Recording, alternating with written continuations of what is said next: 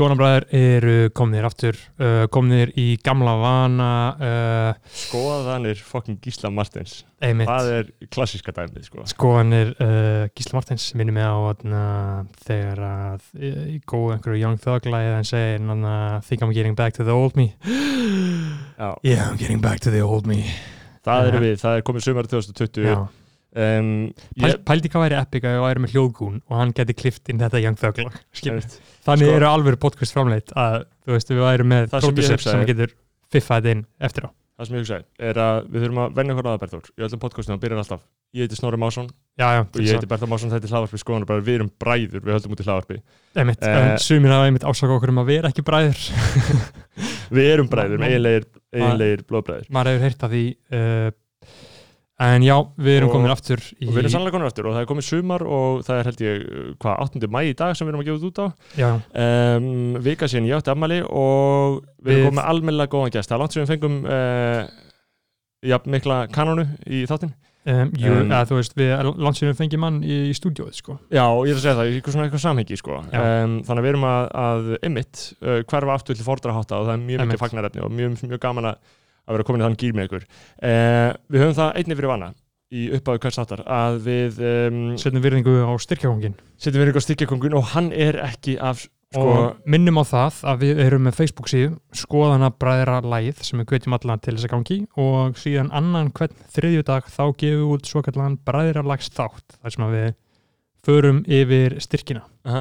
Styrkjakongurinn vikunni Davíð Góði Þorvararsson 7500 krónur wow. áfram fjálsfölmunir Davíð Góði Mér finnst þetta magna, Davíð. Mér finnst þetta bara það er aðdánavert að menn eins og þú skulle taka sér til, til og, og um, skal ég segja þér sitti virðingarnafnið Einmitt. uh, eina sem við byggjum um, lámas virðingarnafnið þannig við getum haldið áfram að framlega þetta ókipis frábæræfni fyrir ykkur. Um, Gesturinn í dag, Gísli Marsteinn það þarf vart að kynna hann, við kynnum hann hérna eftir intróið Mér finnst bara Einmitt.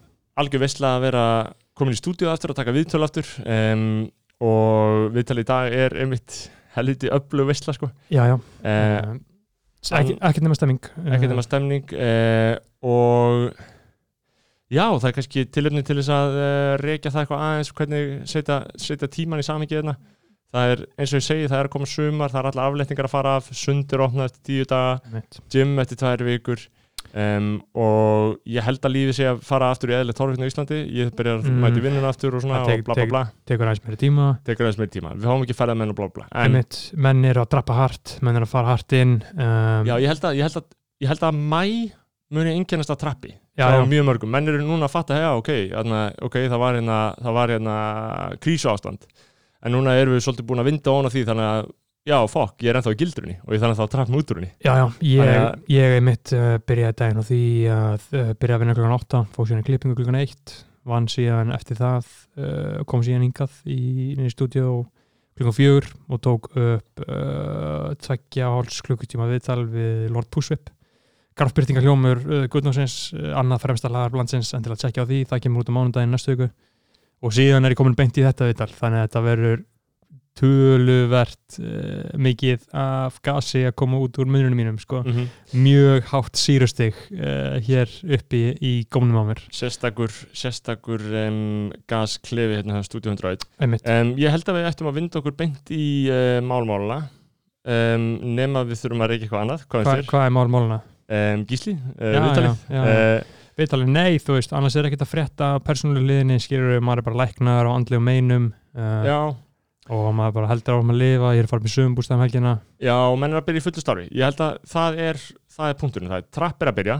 Mm. Þú ert að byrja í einhverju trappi eða ekki með einhverja, einhverja kvikmyndaþætti eitthvað sjómarsdæmi Nei, ekkert staðfest. Nei, ekkert er, staðfest. það er einhverja viðræður í gangi. Það er alltaf mjög nóg af verkefni á teikniborðinu en, en hitt er að koma með framkvæmt Það er mikið að draumum en það er uh, það er alltaf peninga. Ég Það þarf fekk að alltaf- mitt, mitt síndal á hann frá vini og hann hringdi mig og sagði mér langar að gera eitthvað og ég "Bíddu, hvað er það? Hann bara, ég, ég er bara með drauma eistunum. Og þannig ég held að það sé að byrja núna í mæ menn eru, menn eru með stútfulleistu af, uh, ég meina þetta sapnast upp, draumandinn sapnast upp yfir koronatíman já, og núna byrja það að slagast og og ekki miskilja meina kæra hlustundur, ég veit alveg að þetta er ekki búið og bara þetta er ekki, ekki lókjus, stríð er ekki unni etc, etc, en einhver síður einmitt. Uh, Svona er þetta. Við þarna höfum kannski ekkert mikið meira að segja Nei. í byli, við ætlum að ræða alls konar hluti með Gísla. Það verður Um, frábært að fá gíslaðin inn og við skulum vinda okkur beint í það núna. Fyrir hver að bakið um að sé bróðir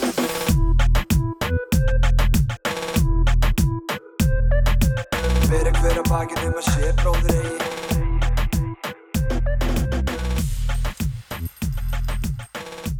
uh, Skoðanabræður mættir uh, 8. mæ um, komnir aftur í gömlu tímana. Uh, það kallmaða vikunar er með okkur inn í stúdíónu allan tíman uh, langvið þáttur, góð þáttur það er engin annar en uh, Gísli Marteinn Baldursson. Velkomin Gísli. Takk fyrir það, takk fyrir að bjóða mér. Mjög gaman að vera með þig. Eh, Við erum sagt sko, við erum að venja okkur aðeins við aftur. Við fórum í smá dagskrafbreytingu hérna hjá okkur. Við höfum breytt kallmanni vikunar í sko, það var alltaf langt viðtal. Já, Þú fær fyrir svona sko, skoðanir Gísla Martins Baldurssonar. Það er Já. svona ákveð klikkbeitt sko. Já, Við vorum farnir að fara í allar átti með þetta En ég held að þetta er gott. Og nú erum við komin í lang- og góð viðtal aftur sko, einmitt. Sem er mjög Mhm. gaman. Já, Þetta er alltaf ólíkt hjá okkur. Þú ert öllu vannur um, Ég þarna, til að byrja með bara Hvað hva, eru menn ekki í góð skapi? Hvernig er Jú, líka það? ég er lög léttur sko. Ég hérna er að koma frekar vel undan þessu COVID-dæmi Já, Já. Já, ég, hvern, hvernig þá? ég, ég lagði áherslu á sko á andlega helsu, svona geðheilbriði meira heldur en líkamlega, ég var ekki í hérna hvernig kemur, hvernig við heldur kúlurassinum í COVID og Mhm. þeim fréttum, ég slefti Mhm. þeim já, Já, en var bara meira í því að þú veist, eh, svona, þú veist vera bara í góðu andlegu ástanda því ég held að það hafa alveg verið auðvelt að, að falla í eitthvað já, já. Veist, ef maður gerði ekkert annað en að lesa fréttir af þessu og svona. Eh, þannig að sko, og svo núna þegar þetta er að, er að léttast þá, þá finn ég að ég er ekki jafn mikið eins og, eins og þú veist, belja voru eins og sumir sem að kannski lokuðu sig alveg inni og eru að fara alltaf bratt núna í barina eða eitthvað sko Einmitt, einmitt. emmitt síðasta helgi var náttúrulega sko rosaleg þú veist það var gott veður og einhvern veginn Já, ég er búin að liggja á börum Ég er Já, alltaf á börum, mér langar alltaf bara bari sko. Það er eina sem ég er að býða eftir já, sko. var maður sem sagði við mig sko þú veist á Kaffi Vest af öllum stöðum sko hann sagði þú veist fólk er ekki bara að smitast hérna af COVID það er að smitast af klamiti það er svo, það er svo mikil þorsti í nándina sko. já, já, ég held að menn sé að koma, hel, koma held í kyn Já, já. eftir út Já. úr þessu menn koma Já, já. COVID sko. En, en um, nei, nei, já, ég er einmitt búin að liggja á börum og ég er mjög spenntur að þetta opnist endanlega, sko, en síðan eru náttúrulega við fjölmjölamenn erum ekki heldur sérstaklega etnaðislega snortir af þessu, menn það er náttúrulega áhuga fjölmjölum og ennþá og Já.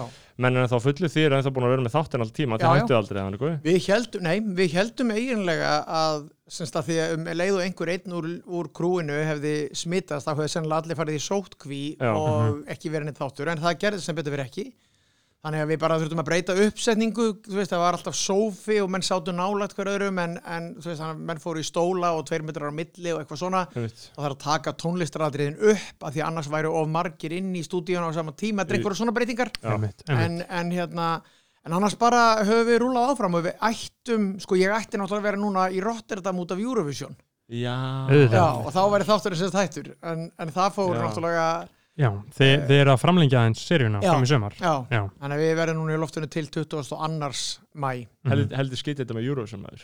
Já, það er, ég var svolítið hissa þeir skildi ekki gera eitthvað af því að svona fjardæmi hefði alveg geta gengið skilur bara daði verið bara í stúdíónu á RÚF og lagið á stúdíónu í SVT Já, og þú veist, þú bara búin til þáttur í kringum það en þeir bara ákvaða að slaufa þessu algjörlega. Mhm. en síðan er eitthvað sko rúf allar að vera með einhverja sárabætur núna á, á hérna uh, í næstu viku, það verður eitthvað svona semi-Eurovision party á 50 daginn næstu viku Mhm. og svo er sem sagt Eurovision batterið með einhver útsendingu á lögudeginum en það mér verður, svo leðilt að Daði hafi ekki getað unnað, hann hefði getað unnið þetta sko. Hann hefði getað unnið sko. já, Já, það er heldur magnað. Mhm. uh, og þú veist, ég hef aldrei upplifað það. Ég hef upplifað að vera, þú veist, í öðru seti Mhm. en, en hérna en sem er best fyrir okkur sko. Þurfa ekki að halda þetta. Akkurat, sleppuðu það já, Já. En, En Nei, já, þarna, það, það var, það var leðilt að sjá það Nei, já, einmitt, sko, við erum skoðan bara, við, við, þarna, við lögum upp með það upprannlega hérna í þetta þáttunum að við, við ætlum alltaf að fá skoðanir fólks fram, sko Já. Já. Eh, Það er alltaf mjög miservitt hjá fólki, sérstaklega í, í, í eins og þinni stöðu, þú ert að vinna hjá ríkisútvarpinu, Já, mátt ekki já. segja neitt. uh, um, en hvernig virkar það? En stundum, þú ert þáttastjórnandi, ég, Já. ég hef áhugaði að vita þetta, ég er Já. sjálfur, sjálfur vinni í þessu og vil líka á blaði og, og er alltaf að hugsa um hvernig ríkisútvar starfsfólk þarf að díla við þetta. já, Þið þurfið að, þið þurfið að um, hvað hva kannu sagt? Innan gæsala bara gæta hlutleysis eins og það er, og það er kallað. Já, já, svo er emitt en, í en, pólitík og svona já, já, en svo er náttúrulega þú veist, það, það er ekkert reynt hlutleysi til sko, Minna, það er, Nei, það er, nei. þú veit, tekur afstöðu bara með því hverju þú velur í þáttinn og hvað þú spyrð um og kannski ekki síður hvað þú spyrð ekki um og hérna en, en sko það er nú meiri pressa varandi þetta á þá sem er á fréttastofinni já, og ég er ekki þar og þú veist bara þættir sem hafa verið að rúf hérna bara eins og spöggstofan eða hemmigunn eða eitthvað svona. Þeir hafa alltaf mátt fara svolítið já, við- það er allt saman á, á hérna undir innlendir í dagskrágerð Já. og ekki sömu kröfur um hlutleysi eins og er á fréttamennina. En eru þetta bara einhver norm eða er þetta ákveðið í einhverjum síðareglum eða Það eru, síða, það eru síðareglur Já. og, hérna, og þær hafa nú verið aðeins umdeildara því að samkvæmt þeim máttu í raunin ekki einu sinni setja status á Facebook um Já, ok. að þér finnist Að þessum flottumanni sem vísa á landi eða eitthvað sko Ok, wow. uh, þegar augljóslega að 90% af starfsfólki í rúf er náttúrulega vilt að vinstri skil, að maður veit hann alltaf bara þetta er náttúrulega flest, flest að maður veit alveg hvað þetta fólk stendur Já. Guðmundsson, einhver svona fígur það er já, dilstengum hvað er að gerast það en þú veist þannig að það er svona, þær síðarreglur eru þegar þeir leitið náttúrulega fótum trónar eða svona bara samkomulag um að já sko eins og, eins og þér nefnir Eirík hann er til dæmis með pistla í lestinni eða í, og í viðsjá áður og eitthvað svona sem að, sem að oft eru alveg rampólitískir. Já, já, Mm. en, en hann er síðan kannski bara með pistil næstu viku sem er pólitískir akkurat úr hinni áttinni. Já, já, akkurat um, hann er að hérna já, sko, það, ég veit ekki hvort það er að segja að þessar reglur séu fótumtróðunar en þegar þær voru skrifaðar þá var verið að hugsa um sko stopnununa sem heild. Já, hún náttúrulega þarf að vera ópólitísk. Einmitt en það þýðir auðvitað að þú getur innan hennar getur, ég meina Rúf hefur gegnum tíðina keft mikið að þáttum af þú veist, Harnis Holmsteini já, já, og síðan líka einhverjum á vinstrivægngnum og Já, í því á, hlutleysið að felast. Og bara eins og þáttur eins og vikan ég segi alltaf að það þarf að gera upp þú veist, heilan vetur.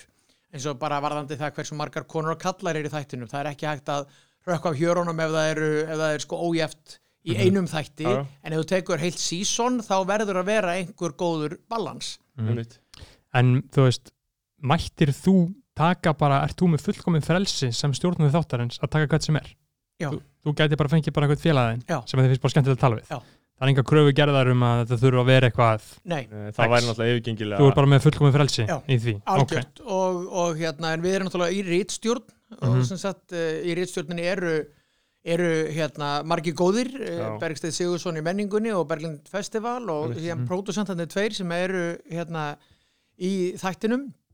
Og, og við eirunni og allir hafa svona vetóvald þannig að ef það er Mm. einhver sem að sko, einhverju finnst bara alveg vonlaus að þá er hægt að, að, að tefla fram sko vetó spjaldinu. En það er lítið gert sko. Já, já, Já, og það er náttúrulega já, já, það er náttúrulega við erum náttúrulega með þetta í mínu útgáfu við þurfum að fá hérna eitt gæst í viku og maður veit alveg hvað það getur orðið ógeðslega erfitt Já, að og finna, sumulegur er erfiðar að velja einn gest Já. heldur en þrjá já, einmitt Vá, það er góða punktur. Að því þú að, getur jafnað þetta svolítið út ef þú ert með einmitt þrjá, þá getur þú tekið einn og þessari átt annan og þessari, eða, já, en hjá Já. okkur er þetta náttúrulega meira í þessari viku mun bara snúast um Já. þetta hér, sko en, Það ég man þegar ég var með kastljósi sem var þáttur á hverjum degi Mhm. þá var ég miklu minna stressaður og miklu minna á bömmur ef að þátturinn tók stilla því það var bara Mhm. þáttur daginn eftir já, auðvitað. Svona aðeins munurinn eins og þú er með mánaðarlegt tímaritt Mhm. einmitt versus bara dagblað sem kemur út dag til dag mm Mhm. það er alltaf það er alltaf næsti dagur sko. já, já, En þarna, hvað, þegar þið veljið þáttinn, er það að velja þetta nokkra, með nokkrar, nokkra vikna fyrirvara eða bara... sumt ég meina ef allir fórsetin kemur þá er verið að undirbúa það mjög lengi. Já, en annars bara sem betur fyrir erum við ennþá með svo hérna gott samfélag hérna mínum að Mhm. að, að hérna að eiginlega allir ráð þeirra bara svara SMS-um og allt svona frekar þægilegt. Og það gerir þetta náttúrulega snorri það er, maður er hérna, maður er í mjög góðri aðstöðu til þess að bóka fólk þannig að, mhm. einmitt. þannig að það þarf ekki þeirra vegna að bóka mjög langt fram í tíman uh, og ég reyni að bóka eins seint og ég get bara því að ég vil sjá hvernig vikan þróast ef það kemur einhver maður vikunar þá er glatað að vera búin að fylla þáttun og þurfa að afbóða einhvern mhm. Hefur þú þetta að gera það? já, já, ég hef þurft að gera það Já, segir bara, þú kemur bara næstu viku já, já, fresta í einhverjum um viku Mhm. sko. já, og svo hef ég líka þó, svo ég ætla ekki að nefna þau nöfn sko, en ég hef, þú veist, þurft að breyta það því að að því að einn gestur bara sagðist ekki fysiskt geta verið í sam herbergi og annar gestur. Já, Mm. Já, bá, Eitthvað báðir eða þau voru kall og kona sko, bæði frábær og Já. en, engin myndi halda að þau væru veginn á svona stað sko, en, og ég, ég sagði ekkert sagt, ég sagði ekki Mhm. þeim aðila sem ég Nei, frestaði nei. af hverju ég væri að fresta þú tókst alla, þú tókst alla með hérna bara inn á þig já, og, já, og, já. Já, vannst úr þessu Já, sjálf mér var þetta að vera svo djúsi, ha, já, hatar hann hana? en hvernig er undirbúningsvinnan? Eru þið heila viku að spá í, Að þú þú sagði til mér sem mig þegar ég var að beða um að koma þá sagði já, sem, snem, sem, sem einn snemma við getum í vikunni Já. þú vilt klára svona dót á mándegi, þriðjudegi, miðvikudegi þannig að þú Já. hafir Já, sko, förstu dagur er náttúrulega bara er allur, þú veist, eitthvað stúdíovinna og æfingar og hérna, stilla ljós og eitthvað svona. Mhm. og, og fimmtudagurinn er daldið mikið, þá er ég að sko tala við gestina, þú veist, um það hver- hverjir verða svona talking points daginn eftir. Já. reyna að preppa þau og svo er það aðeins hérna viðkvæmt, sko, Saga Garðas bendi mér á það, ég var farin að sko ofpreppa. Þú veist, ég var farin að segja við sögu, ok, ég segi þetta, þá verður ekki ekki ef þú kemur þennan punkt. Uh, sem að virkar fyrir ímsa, en Já, hún sagði bara, veist, þetta tekur fönnið úr þessu, þú, þú verður, þetta verður að koma óvart, þú verður að vera lífrænt. Þannig að eins og, þú veist, einhver eins og hún sem er ógeðslega góð í þessu, uh, þarf ekki slíkt. Akkurat, Já. já. þetta er alltaf fín lína en er alltaf líka getur náttúrulega orðið stórslis með, með 20% þjóðin í áhóru í beinni að maður vill náttúrulega hafa einhverjar þú vilt hafa einhvern struktúr Já, er það ekki bara, þú veist, eitthvað sem þú þarft fyrir þægindi því eða bara til þess að geta verið í rónni með Jú, þetta? sko, ég er alltaf með alltaf mikið handrit. Já, og hérna það sem ég bara með nákvæmlega bæði sem spurningarnar á hvern og einn Já. og síðan, þú veist, á hvaða efni ég ætla að byrja, hvaða efni ég ætla að fara svo í og á hverju ég enda. einmitt. Síðan náttúrulega, þú veist, koma menn eins og Kári Stefánsson sem að bara, þú veist, e, hérna, rústa þessu plani öllu. Og, Ég, ég horfði mitt á það, það var eitthvað yfirgikilegast sem ég horfði á, sko, var það frábært. Já, uh, en það var engin leið að hafa stjórnmálun Nei, það það, er leið. ekki hægt og svo ringdi hann í mig eftir þáttin og var, sko, hérna, bara, var þetta ekki heldur gott? Átt, átti ég ekki að pöngast aðeins í þér? Eitthvað svona, og þá var hann bara að reyna að gera þetta fyrir þáttin. Já, já, veist, hann var alveg, þú veist, þetta, hann var ekkit eitthvað stjórnlausur frekju, hann var að reyna að búa til góðan þátt. já, já, Já. einmitt einmitt. að hann gerði það náttúrulega líka Já. sko. Þannig að ég, var- ég var svolítið hrættur um þetta á smá tímabili sko. hann og Þórdís hvort að það er færi alveg úr böndur um hann sko. Já, hún, hún heldur stingandi augnar á, á hann hann á já, já, og svo fór hann að taka hann á orðinu í einhverju, einhverjum þegar hann var með einhvern faggala um, um land og þjóð, það var Já, gott já, sko. það væri lottovinningur að, að fæðast hér og hann bara ætla að fá mótmála þessu Já. en svo endaði hann eiginlega á því að vera Segja með sammálinni sko. Já. Já. Nei, nei, akkurat En, en hvernig er það því þú náttúrulega búin að vera í fjölmjölum og sjónvarpi mjög lengi, Já. gann 20 ára eða eitthvað, næstu nei, þarna- 20 ár. 20 ár, já. 20 ár. Um, hvernig hefur svona undibúningsvinnan og öll framkvæmdin þróast, þú veist, finnst þér þú Einmitt. vera að leggja meiri vinni í þetta núna en þú gerir eitthvað sér, þú varst með eitthvað vinsalan þátt laugardagskvöld, Já. svona early 2000 segi Jú, hvernig sér þið fyrir þér, þú veist, hefur þetta þróast mjög mikið hjá þér, er þetta orðin betri, er þetta auðveldar núna, er þetta erfiðara, Mm. hver er svona munurinn? þetta er góð spurning. Sko, mér finnst í fyrsta lagi sko, vegan verið miklu betri þáttur. Hinn var bara sem sagt engungu svona celeb viðtöl og aldrei um neitt sem var að gerast í þjóðfélaginu. Mm og meðan vegan sko er hérna allt öðruvísi þáttur, ég veit ég er ekki alveg að svara spurningunni, ég skal svara henni Mhm. samt líka en sem sagt, pælingin með vikuna var að reyna að vera með svona sko, fréttatengdan þátt dulbúin sem skemmti þátt eða, eða skemmti þátt dulbúin sem fréttaþátt, ég veit ekki alveg hvort en sem sagt reyna að ná þessu hvortvekja og það tók alveg fyrsta sísonið bæði fyrir okkur og fyrir áhörfundur að fatta hvað værum að reyna að gera Já. og hugmyndin er að taka semst fólk sem, að, sem ég held að áhörfundum finnist áhugavert eða hafi eitthvað til málun að leggja sem að eru ekkit allir, það við erum með alveg kannski stór hérna, selep hérna á Íslandi sem að þeir eru bara rosa vinsæl og æðislegið sem þau gera en fólk er ekkit endilega forvitið um að heyra skoðunir þeirra á Akkurat, neinu. Við, við þek, þekkjum það. Já, já, Já. Þannig, að, hérna, þannig að sko ég er að reyna að gera þetta. Ég meina, þú veist, á föstudaginn er ég með Baltasar Kormák sem að mér finnst bæði vera svona stórt seleb, mikið alfameil og búin að vera Já. stór karakter hérna lengi og er síðan líka með góðar skoðanir. Bara eins og þegar hann datt í það að segja mér að hann hefði skráð sig úr katholsku kirkjun út á einhverju mér fannst það bara, þú veist, það var svona bæði persónulegt og með einhver talað inn í samtíman svolítið Já, já Það er, Um, það er inntak í mikilmennsku brjálæðinu já, sko. já, akkurat og hérna, og það er endar um svona alfamails, þú veist, Balti, Kári, Já. Dóri Díana Já, þeir eru mm. góðu gestir, sko. Þú veist, já þeir, ka það, kassan úti og hérna og, og þeir sko maður veit að ef maður spyr spurningu þá er þeir ekki bara að fara að segja já eða nei við henni Akkurat. skilur, þá kemur eitthvað gas og þá byrja þeir að bara bulla Já. skilur. Byrja að hugsa um leiðu tala og tala það sem er og þeir, hugsa þeir tala hraðar að þeir hugsa og það Já. er bara mjög mikilvægt með, þú veist, Já. fyrir, fyrir, fyrir dagskákjörn skilur. akkurat. en já, einmitt, það er náttúrulega gríðarlega mikilvægt þessu samvikið sko. En í að þessu leiti er undirbúningurinn líkari því sem var í kastljósinu þegar ég var í því heldur en það var hérna 2003 þegar ég var með þetta lögataskvöld þá gekk undirbúningurinn svona í alvöru bara rosa mikið út á að veist, fara á bókasafn og leia hérna, hérna bókina um þetta seleb sem var að mæti mm viðtalið. Einmitt. Þú veist, bara, ég las alla bókina um Báru Bleiku sem var hérna með ba hjá Báru búðina hérna sem núna er Húra Reykjavík. Mm. ok, og þú veist, bara til þess að geta ha, já, já, bara við, við, þarna, viðtals sá sem hefur viðtala og vita meir um hinn Já. og allt það og á meðan að núna bæði hefur komið með reynslunni að ég þarf ekki alveg að gera þetta lengur og svo líka að viðtölun eru ekki þannig. Þetta er ekki, jæja, segðu mér nú akkurat Balti, hvernig, hvernig fólst fóstu í kvikmyndagerð? Þetta er ekki þannig, það er meira hérna, heyrðu þú út að gera köllu og hérna uh, þú veist, heldur að kalla muni gjósa eða eitthvað, eitthvað að reyna að hafa þetta eitthvað korrent Já. og þú veist, bara, og núna er mitt muni spyrja út í hvernig gekk þetta með COVID og þú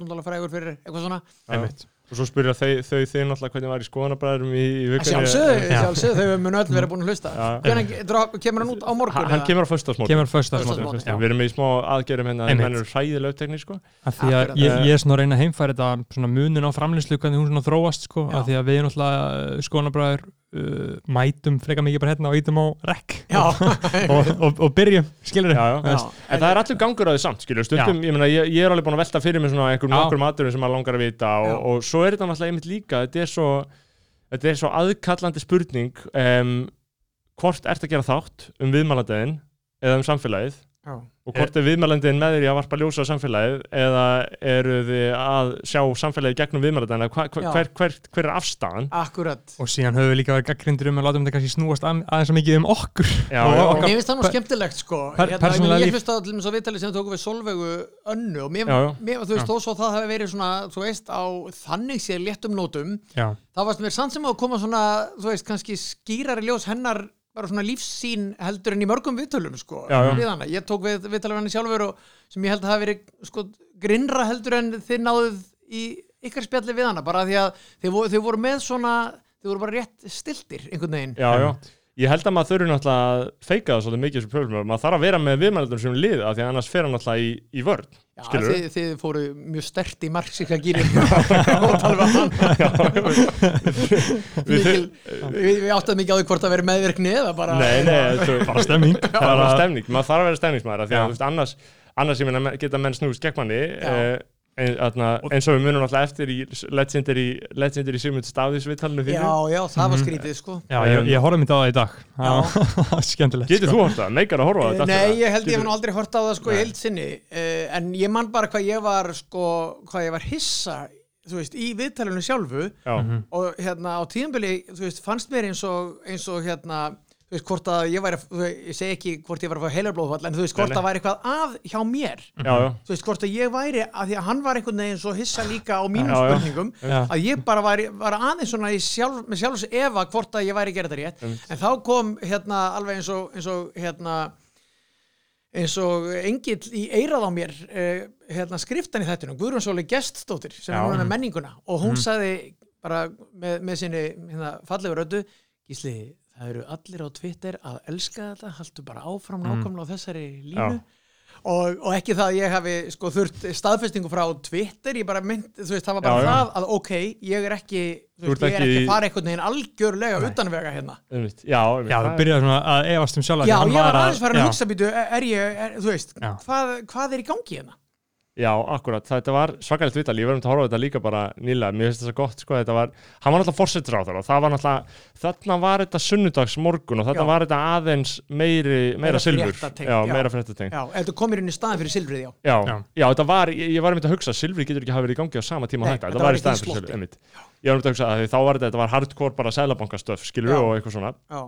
en, en vika núna er náttúrulega allt, allt önnur pæling og, og sem þú Davíð hefur ekki komið síðan Nei, en ég hef nú bóðið honum, sko. Já. Ég vissum hann kemur fljótlega. Hann er, já, Já, já, hann, Sko, hann, hann- er, sko, hann er líka frábært TV já, Þú hann veist, er mjög gott í. Það er bara, þú veist, ef, ef, ef, að, ef að þú nær að komast hjá því kannski að hann fari algjörlega í, vi- í spyrilinn, þá Já, náttúrulega er þetta frábært TV Já, já, ég meina við þekkjumst alveg síðan í gamla daga, við Já. vorum að vinna báður að rúfa á sama tíma, Mm. en hérna, sko, ég veit ekki, mér fannst hann á þessum tíma hafa verið að spila ákveðin leiki viðtölum þar sem hann efaðast alltaf um spurninguna og forsendur spurningarinnar frekar en bara svarinni og, og hérna og ég var ákveðin í að láta hann ekki komast upp með það að hann yrði að svara spurningunum Mhm.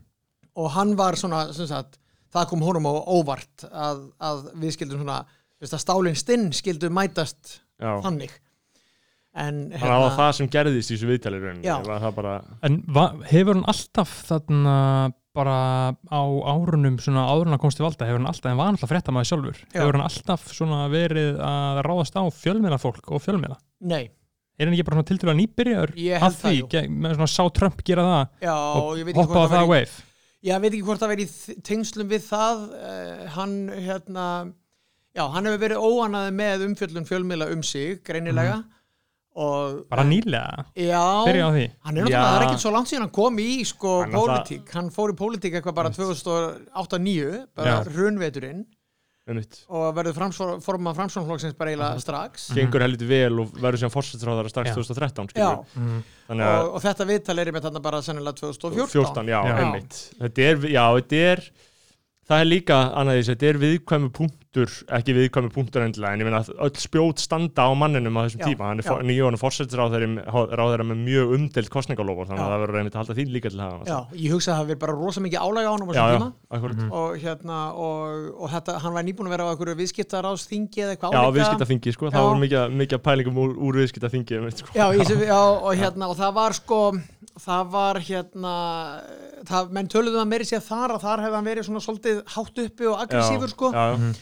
þannig að ég hugsa það bara það verið mikið álega á honum, ég finnst það verið miklu betra miklu betra formi núna. Já, já. og Hann er búin að vera ferskur, sko. Ég elska Simund núna, sko. Ég Já, er mjög eitt sem er að hann, aðdeglisvert finnst mér við hann svona finnst við erum bara að fara út um, út um kveipin og kvapin að hann hérna, hann er eiginlega aldrei með hann er eiginlega aldrei að kvarta undan samráðsleysi. Nei, sem að mér, þú veist, ég, ég hef verið bæði meiri hluta og minni hluta í borgarstjórn sko, og hérna, mér finnst þetta venjulega fullkomi væl, samráðsleysið ekki uh, og hérna og ef ef að það er samráð þá var alls að já, það var eitthvað samráð, þetta var ekki raunverulegt samráð. Já, já, það er alveg eitthvað að- svona hann er aldrei eitthvað um því. Nei. hann, er- hann eins og núna, hann er bara að leggja fram sínar eigin tilugur, bara nýjar tilugur og mér finnst það smá virðingavert sko, að vera ekki þú veist, með það væl sko Mhm. Já. Já, sko, atna, til að segja útskýr fyrir ungum hlustendum minna, samráð, samráðsleysi er sko, einmitt, þú veist, þegar við erum með meiri, meiri hluta og minni hluta og minni hluti náttúrulega fær ekki ráðan okkur um sköpum hlut ever og það er náttúrulega bara staðinn málsins að vita allir en það er ákveðið svona ákveðin samkvæmsleikur að tala um að eigi að hafa samráðið minni hluta eins og, eins og það sé eitthvað sem er gert og auðvitað er gert í ákveðnum aðstæðum Já, og eins og já. með kórunverun og slíkt skilur en Sigmundur einmitt hann náttúrulega er að keira bara öðrum forsöndum enn til eins og Logi Einarsson hann er náttúrulega bara að tala um Sigmundur er náttúrulega bara að segja uh, hann er náttúrulega bara alltaf að keira sína baráttu skilur og hann þarf náttúrulega bara að halda þeim upptögnum hann getur ekki fara að laga sig að einhvernum vistu grænum einmitt, í einhverju samræði held ég sko. Þannig að einmitt, það er, það er aðtilsverðu punktur sko að hann, hann var- fer eigin leið sko. Já, og ég held að hann muni, ég held að hann muni rísa. Ég held að Sigmundur rísi núna. Ég held að í, alltingiskostningum 2021 Nei, já, þú veist. næsta Það hann hefur eftir nægan tíma til að láta kreppuna sitra inn í Já. þjóðasálina Mhm. og En þá mun hann rísa. það væri ekki gott fyrir stjórnarafstöðun að það væri kostingar núna vegna Nei, þess að sko það Já, já, stu- stuðningur er já, stuðningur ég, Já. ég sá að hann var að fara í fyrsta skipti held ég undir viðreist Hann, þeir, þeir, þeir eru ekki mennitt olbórum sko. þú veist, það er, það snýst allt bara um aðgerri ríkistofnar það er enginn að tala um, þeir fá ekki að tala um þriða orkupakkan Nei. eitt slíkt skilju en um leið og þeir fara Sko, í alvöru kreppun en um leið að kemur alveg kreppa en og það byrjar að blasa við að atvinnuleysi er raunverulega varanlega kannski 20-30% þá, þá eru menn eins og hann með spilin tilbúin sko. Já. og það verður mjög gaman að Já. vinna, við fjölmjölin þá held ég sko. já, já, þú veist náttúrulega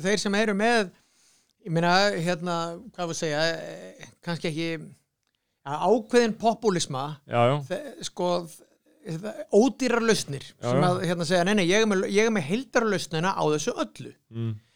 Eh, þeir sem að koma með það í mikilli kreppu, þeir fá mjög oft uh, byr undir Mhm. báðvangi já, já, það verður spennandi hvert, hvert útspili verður sko. um, Einmitt, en þarna uh, hann er klárum svona að ræða aðeins vikuna eins og fólk eins og segmundur, eða uh, hvað sem er hvernig er þú með svona að uh, þeim sem að þú ert ósamála, bara þú persónulega að þú bara með fullkomið vald, skilur já, ekki endilega segmundur, en svona hans líkir kannski, sem eru með svona skoðanir sem að þér finnst vera skadalegar já, fyrir samfélagið. já.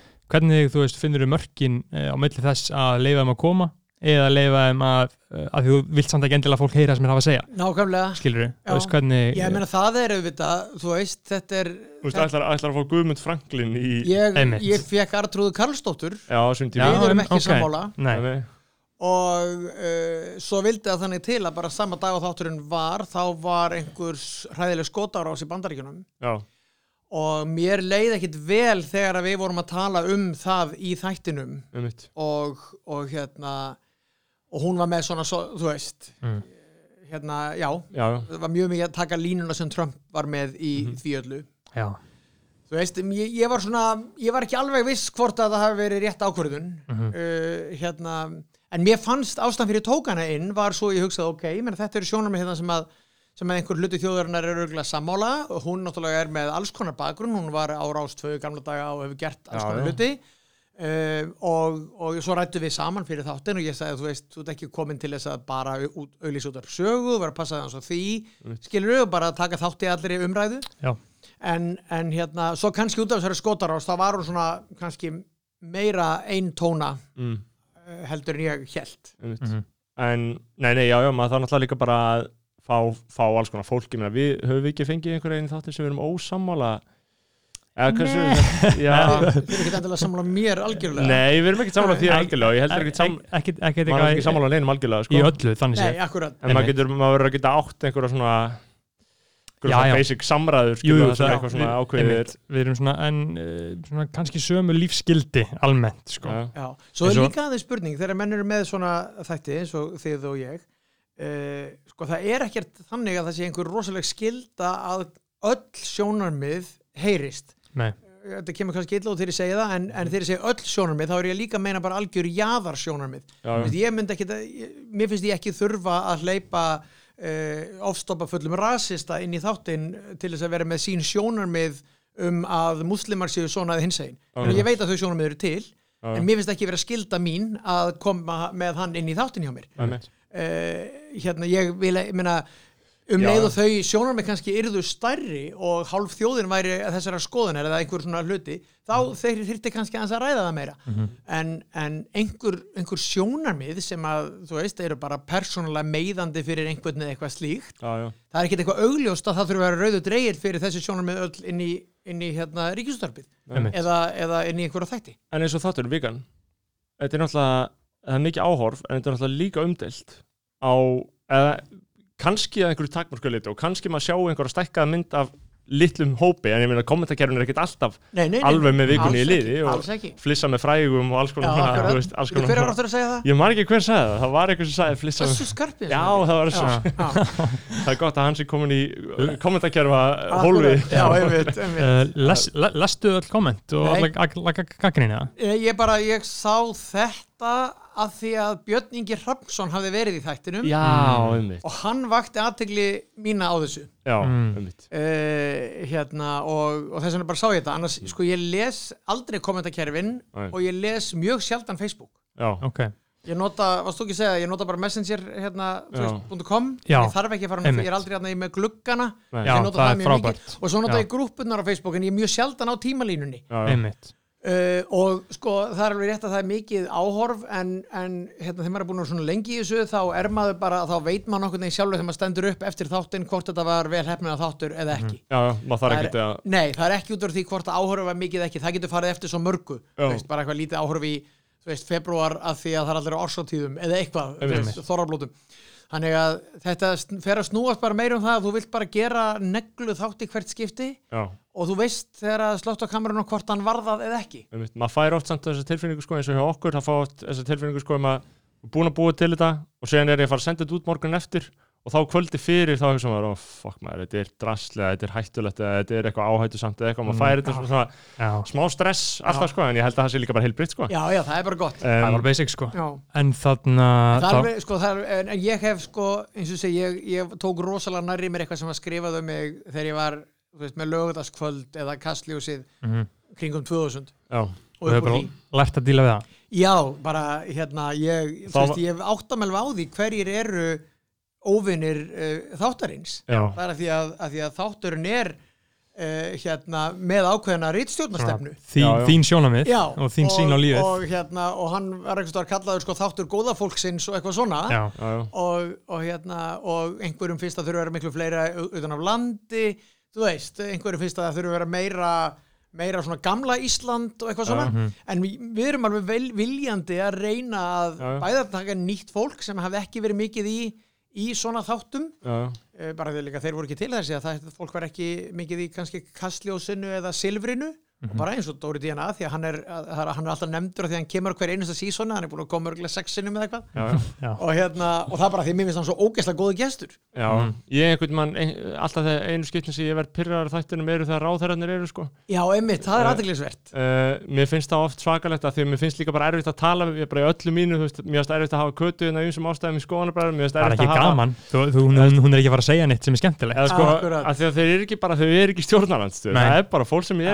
að að þau það er svo leðilegt Já. og það En- hefur svo mikil, hags, mikil hagsmann gæta, En rétt síðan og tölum við- en Eh, Lo- Logi Einarsson í stjórnarhandsöðu, það var snilt að fá hann. Já, það var bara gaman að tala um virkilega gaman að sko, tala um En á meðan Logi, ef hann verið í stjórn, þá finnst mér leðist að tala um hann og ef að Já. Kata væri í stjórnarnætt þá verið vissum að þá ætlaði að taka hann aftur þegar- Já, sko leiðilegasta fólkið er náttúrulega flokkshestar sem eru, þú veist, með, með hérna, þú veist, blind hérna, sjá ekki nema flokks í línuna Og, og skemmtilegasta fólkið er fólkið sem að kemur þá aðeins óvart fer aðeins út af henni.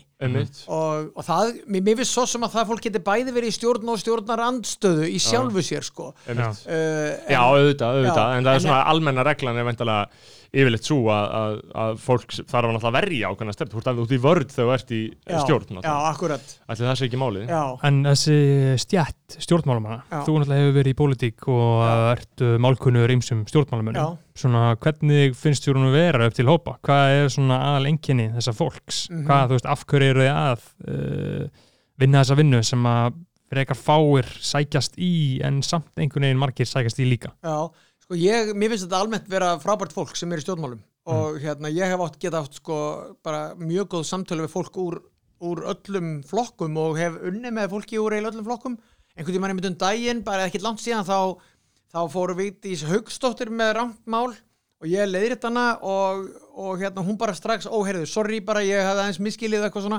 Þú veist að því hún er oft máluð upp sem eitthvað algjört óargadýr sko. Já, já. en, en bara super uppbyggileg samskipti sem við áttum og bara hérna, hún sagði ok, ég hans að kynna mér þetta betur og eitthvað svona. Þannig að ég tek hann sem dæmi að því að ég er ósamála henni um mjög marga hluti í borgarmálunum. Mhm. og, og hérna uh, já, sko, mér finnst almennt séð vera ógeðslega gott fólk sem að fer í stjórnmál. Og besta fólki finnst mér vera Uh, að því að ég man að fyrir, veist, skoðanum mín hafa breyst svo mikið gegnum tíðina, einhvern tíma var ég á því að þetta var ógeðslega há laun í stjórnmálum, þannig að við fengjum besta fólkið. Mér finnst það alls ekki í dag. Og besta fólki finnst mér sem að var með mér í borgarstjórn var fólk sem ég vissum að hefði gert þetta bara, þú veist, sem hobby. Akkurat. bara því að það, því þótti svo vænt um Reykjavík og borgarmálin og þau brunnu fyrir þetta og, og hérna að, en á meðan, þú veist, þeir sem voru lagastir voru einmitt alltaf mest að pæla í því hvað þeir getur komist í, veist, stjórn orkuveitunar eða eitthvað, það sem, seðlinn væri, sko. Easy money. En ég hugsaði mitt sko einmitt að því að uh, góðinu þáttanins Björn Bræðarsson skrifaði grein í DFF um um sko atvinnustjórnmálvenn Já, um, og um hvernig þetta hefði þróast að bara fyrir 50 árum það voru bara lang flestir inn á þingi að gera eitthvað allt annað Já. en vissulega líka þingmenn já, eins og það var löngum. Og núna er það náttúrulega mikið tabú Já. að gera eitthvað annað en að vera í stjórnmálum eða vera í borgarstjórn. Já, um, það er náttúrulega kerfið er búið að vinda upp á sig. Já, og kröfun, vinnukrafan er náttúrulega orðin slík að þú getur vart verið að gera eitthvað annað og sömulegðis að lítið tortrygnum augum þegar menn er að gera eitthvað annað. Uh, finnst, þér, þér gott að fá, sjá meira afturkvarf til fólks sem er, jú, kjörnir fulltrúar og eru að representera og eru að vinna bættri borg en líka bara að lifa einn lífi í rekstri eða Uh, nei, ég held að mér þetta er ekki gott Nei. vegna þess að það er, það er komin líka svo mikil krafa á hérna, bara ef við tökum borgamálin bara á það að hvert einasta deiliskypulag þarf að vera svo ógeðslega vel gert. Þú veist, í gamla daga var þetta bara þú veist, borgarstjórin fór með tvo tjaldhæla og snúru og skilur, hérna sagði hér er gata, hún heiti þetta. Já, og, og núna, núna sko þarf að að því að það er bara miklu peningar í spilinu fyrir verktakana og eitthvað svona. Og, og til þess að þú getur staðið almennilega sem borgarfulltrúi þá er, þá er þetta algjörlega 100% starf Já. þú þarft bara að vera í þessu og engu öðru af því þú ert að lús lesa öll þessi deiliskeipulög og eitthvað svona ef þú ætlar að gera þetta vel. Hvað við að tala um, um þannig að við skerpum á því fyrir um, góða hlustuður hvað er deili skipulag? Já, sko, Ég var líka til að spyrja hvað nákvæmlega er borgarfulltrúi emitt, ég skal, ég skal svara báðum. Sko, Já. þegar ég var í þessu, þá voru, þá voru þessi 15 borgarfulltrúar og það er í rauninni og ég segi það ekki til þess að setja neitt hérna, til þess að kasta rýrð á, á hérna, þetta starf. Þetta er smá eins og húsfélag sem við kjósum okkur, við kjósum okkur eh, er það ekki núna eitthvað 23 í borgarstjórn? Þeir voru að fjölga. 20 eitthvað? Já, Já, fóru úr 15 við kjósum okkur sem 15 15 er reykvíkinga til þess að sjá um þessa borg Einmitt. þetta húsfélag í fjögur ár. Og þau, þessi borgarfulltrúar eiga ekki að sinna neinu öðru heldur en bara kjósandunum sínum og þá meina ég sko bara reykvíkingum en ekki flokkunum sínum að bara tekið sérstaklega fram. Mér er að tekið að vera með stjórnaskráni að alþingismenn meiga ekki fylgja neinum uh, hérna, skipunum frá kjósendum sínum eða neinum öðrum. Þeir eiga bara að fylgja sannfæringu sinni. Þannig í rauninni allar landsfunda ályktanir og þetta, þetta dót Einmitt. Á ekki að hafa neinar, nein áhrif á þig En Ef samt að- er það látið eins og þetta sé heilagara En ég til veru dæmis en- var í sjálfstæðarflokknum og þar, hérna, þar var landsfundar álutunum það að flugvöldurinn ætti að vera í Vassmeiri sem ég til að sé algjörður ruggla en eða vera Mm. þannig, að, hérna, þannig að ég var ekki að fylgja þeirri stefnu og þá bara fekk ég það alveg þá var því baunað á mig alltaf þú ert ekki að fylgja landsfundar álutunum en bara samkvæmt stjórnaskráni eiga kjörni fulltrúar að fylgja hjartanu og engu öðru. Þannig að, hérna, ok, það eru 15 borgarfulltrúar, þeir eru náttúrulega kostnir í þessum flokkakostningum, þannig til að einhverjir koma, hérna, sem eru kreatífir eins og Jón Gnarr og bara með nýjan flokk, fá 30% atkvæða og, hérna, og svona rusla öllu kerfinu einhvern veginn upp, sko, þannig að, hérna, sem að mér fannst algjörlega frábært. Já, já. Gerði í rauninni Hann mjög gott fyrir lang- til borgarstjóri langt tíma Já. Og kom, og meina, Jón Gnarr var frábært borgarstjóri, uh, hérna, aðalega vegna þess að hann skapaði bara svo góðan vinnufrið til þess að, til þess að vinna einhver verk, gátum gert aðalskipulag. Og það er komin að spurningun þinni hvað er, eða þinni hvað er Já, já. deiliskipulag? Sko, hérna, borgin náttúrulega og það er, nú er ég aðalega að horfa á skipulagsmálin, en borgin sér líka um, um mentamál og, og hérna, velferðamál og alls konar mál íþrótta og tómstundamál. En sem sagt, uh, borgin er öll hver einasti blettur í borginni er skipulagur og þú veist, við sitjum hérna í ykkur húsi. Já. þetta hús er skipulagt þannig að ef að, ef að eigandi húsins myndi vilja rífa þetta hús Já. þá þurft hann að fá leifu fyrir því að rífa það. Og hann gæti ekki byggt hvað sem er í staðinn. Hann gæti bara byggt uh, hús eins og þetta nema myndi sækja um breyting á deiliskeipulaginu Hann gæti, hann gæti, þú veist, ef þetta er íbúðarhús með smá verslunarhúsnaði nýri þá þurfti hann að byggja íbúðarhús með smá verslunarhúsnaði nýri eða þá breyta því Nákvæmlega, og það er alveg gott að þetta sé til staðar þannig að ef þið búið í blokk þá getur ekki einhver opnað pub í næstu íbúð við ykkur. Þess að það er sagt deiliskeipulagi er það bannað? Einmitt. Ok, þannig að þetta er, þetta er svona einhverja reglur sem við komum okkur saman um til þess að við bara getum lifað sátt og samliti. Og, og núna er ég til dæmis, ég ligg yfir deiliskeipulagsbreytingu á Vesturbælaug Já. að því ég býð þar alveg við hliðina og. Kaffi Vest er líka alveg við hliðina. Hverju Og- verið að fara að breyta? það, sko, það er aldrei flóki, sko, það var að fara þau, borgarfullurotnir held að þetta væri mjög góð breyting af því að þetta er breyting á deiliskeipulagi staðrættir hins að svo að deiliskeipulagið í papírónum sem er nú gildandi því hefur aldrei verið fyllt, það hefur aldrei verið fullnusta þannig að bílastæðið til dæmis í kringum laugina er miklu stærra á teikningunum heldur en þeir eru raunveruleikanum. Og nú er verið að vera að breyta teikningunum og, og þar er, þar er til dæmis verið að fækka pínulítið bílastæðunum. En þau eru þegar færri? Já, en þau eru þegar færri þannig að raunveruleikin er betri heldur en bæði gamla deiliskeipulagið og nýja Og deiliskeipulagið ef að nýja þarf að taka gildi þá munu bílastæðinu raun og verið fjölga. Það er máli sko. og ég var svolítið að vekja aðtekli borgarfulltrúana á þessu sem að eru ekki jafn mikið þarna og ég því að ég finn mikið þarna með hundin minn tinna og, og þessi deiliskeipulagsbreyting kemur til vegna þess að það á að setja hundagerði. Já. þetta er klassíst ég veit ekki hvort þetta er skemmtilegt finnst en, það- en þetta það er klassíst sko. fyrir, fyrir það sem borgin er að gera. Einhver byður um hundagerði. Já.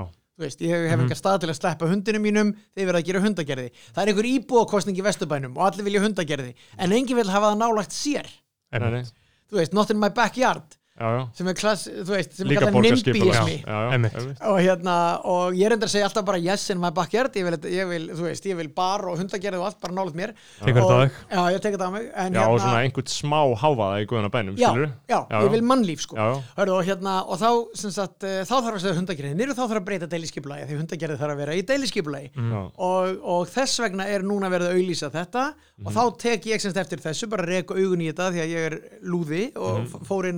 og að er og mm. reykjavík.is til að sjá hvað deiliskeipulagi væri þetta Já, já. og ég hafði samband við borgarfulltrúa í þremur flokkum og sagði, vissuð þið þetta? Og bara, nei, þetta var ekkit kynnt svona fyrir okkur og eitthvað og ég sagði, ok, ég skal senda inn formlegar aðtöðsendir Já, já. Já. já, mér finnst þetta gott sko, að ég meina, mér finnst þetta líka til marksum sko hvað þekking er mikilvæga þegar þú veist þekking, það er svo mikilvægt að hafa þekking á ákveðnum málum að þegar einhver venlegur maður eða sem hefur annarkvæmt ekki starfað við skiplasmáli eða, eða, eða fréttamennsku eða whatever, hann er ekkert að pæla í deili skipulagi nákvæmlega.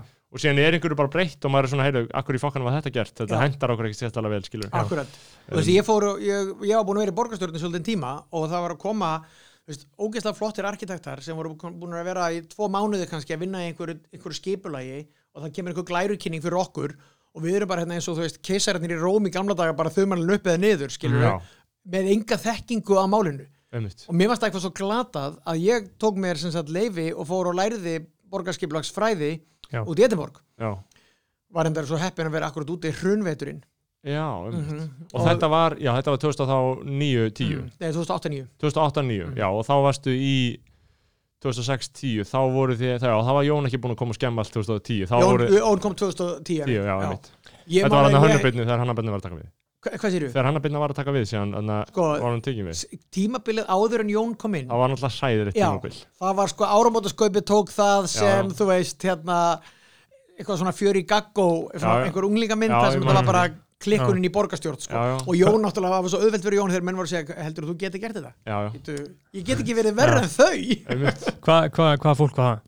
Nei það var, þú veist, ég til dæmis við Já. vorum, þetta var, sem sagt, þetta var reymálið Já, uh, þetta var reymálið og sagt og fyrst byrjar þetta þannig að gamli góði Villi með Þóttum Viljánsson Mhm, mhm. og Björn Ingi Hrapsson Mhm. Björn Ingi á Viljanum hér já, þeir sem Þeir mynda saman já, stjórn já. sko. Einmitt. og, og hérna og ég var hlut af henni og það var eitthvað bara sjálfstæðarflokkur og framsónflokkur allt saman frekar svona old school og ágætis hugmyndir í gangi Mhm. svo kemur reymálið sem er rosalegt mál þetta er svona að loka dögum góðarisins og hérna mjög ríkir kallar á Íslandi uh, sáu þarna ákveðin pilsfald hins ofinbera sem að gott væri að vera í og, og ætlaði að fara svona í einhverja orku útrás með því að gera samning við orkuveituna.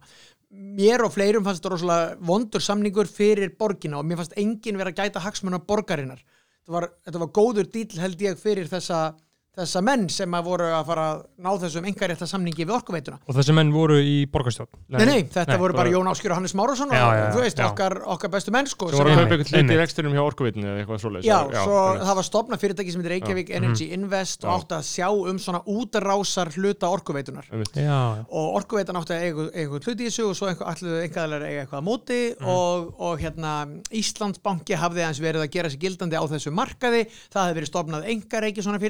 Geysir Green Energy. Veist, þetta er flókin og löng saga. Uh, við stoppum þetta sem sagt ég og, og nokkur aðrir og sögum bara nei, við getum samþykjum þetta ekki. En Framsson vildi gera þetta í gegn og sjálfstæðarflokkurinn í raunni, bæ, bæði. Vili og, og Björn Ingi. og, og meiri segja sko samfélkingi var ekkert að móti þessu í byrjun og eitthvað svona. Mhm. Uh, og, og þetta var mjög dramatíst mál. Þetta var eitt svona stærsti pólitíski eitt stærsta pólitíska átakamálið fram að, svo kom hrunin náttúrulega og allir glemdu Mhm. Já, já. þessu. En þetta var risamál og meiri hluti fellur. Og Björn Ingi lappar yfir til minnulutaflokkana sem var þá sko Svandi Svavars og Dagur Eggerts og eitthvað svona fólk bara allt gott fólk auðvitað hérna, þau stopna meiri hluta Það voru dagur borgarstjóri það verður dagur borgarstjóri Já. sá meiri hluti er kallaður 100 daga meiri hlutin af því að Já. hann gildi bara í 100 daga mm. að þá, af því að svona, frjálslindi flokkurinn, er þetta leiðilegt eða? Nei, nei, ég, Nei, nei, nei, ég er- ég er að fíla þetta. hérna, sko, það var til eitthvað sem heit frjálslindi flokkurinn Mhm. og hann var sem sagt hérna, Ólafur F. Magnússon, Jú, jú. síðar borgarstjóri hann var efstimaður þar en var í veikindaleifi þannig að efstimaður hjá þeim var Margrét Sverrisdóttir sem er bara hérna, góð kona. Og hún er, sagt, hún er þar og hún segir bara já, ekki, absolutt, ég ætla að mynda með ykkur hérna 100 daga meira hluta. Og hún er inn í þessu, allir eru kátir og þau taka myndir af sér við tjötnina og þú veist, þeim fannst þau vera young og fresh með að við sko okkur hérna sjálfstæðismennina og vilja Já. svona. Og hérna, og svo eru þau 100 daga. En þá kemur Ólafur F. Magnússon þú veist, he's back bara Já, mætti allt í hann á fund og bara ég er ekki lengur veikur og ég er þetta með vottorðum að ég sé ekki lengur veikur. Já. og eitthvað og hérna, og Margrét Sverris er bara átt og hún hafði elskað hann 100 daga meira hluta en. Ólafur F. Magnússon elskaði hann ekki neitt Það var hann borgarstjóri setti enga virðingu á nafn hans og ég nei. ykkar gott. og hérna og bara á klostinu í höfða á ársæti í borgarstjórnar þar bara ræða vilja þóttn og Óli saman er ekki að taka frekar eftir samstarf hérna hjá okkur Já, og þeir gera það Af því að sjálfstæðarflokkin vantaði bara einn mann sko. Já, um við vorum með sjö borgarfulltur og átta er til þess að fá meiri hluta þannig að það er bara ákveðin á okkur salerni að, að, hérna, að slá í einn góða meiri hluta Einmitt. og ég var ekkert inn í neinu af þessu. Og svo bara, þú veist, er einhver fundur og já, Ólafur F. og að koma yfir til okkar og eitthvað.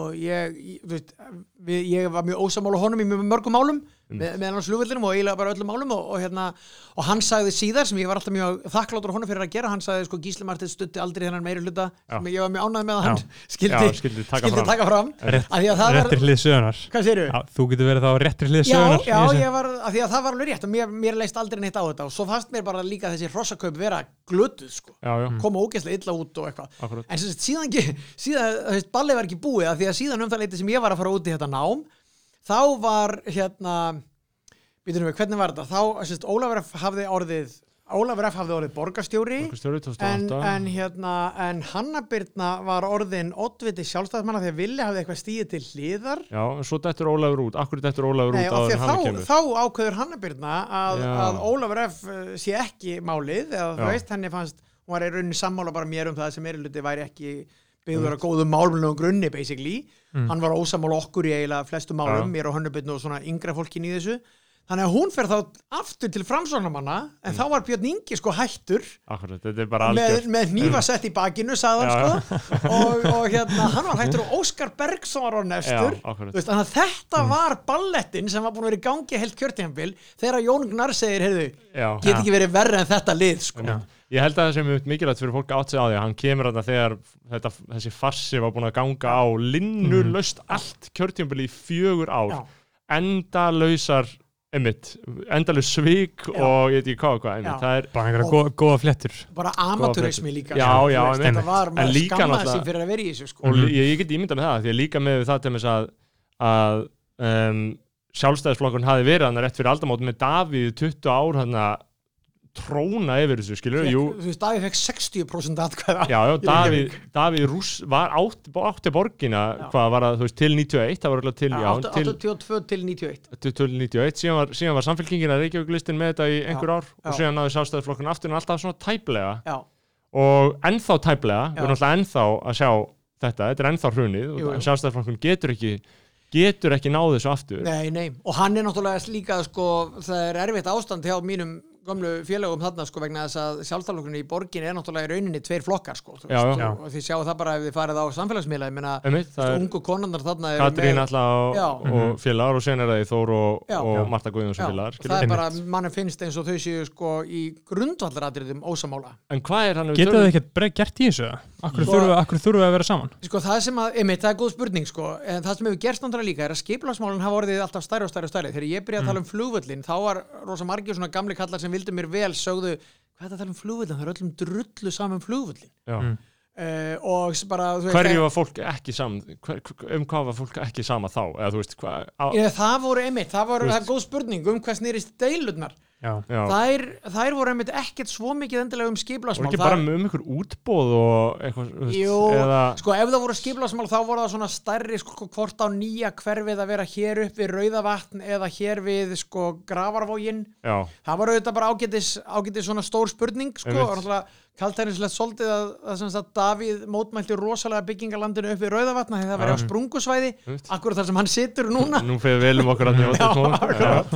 en byggði í staðin Gravarvógin sem er á æðislegum staði líka. Já, en hérna, en, en já, ég meina deilumálin, sko það voru náttúrulega ekkert mikil deilumál Nei, í fyrsta nei. lega því að sjálfstæðalokkurinn bara átti þetta. Já, já, akkurat. Þannig að, hérna, þannig að sko það er sjálfsagt verið bara svona einhver almennur kommunismi versus svona einhver, einhver hægri mennska en þannig að við þarna, uh, ljúkum umræðum um borgarmálin?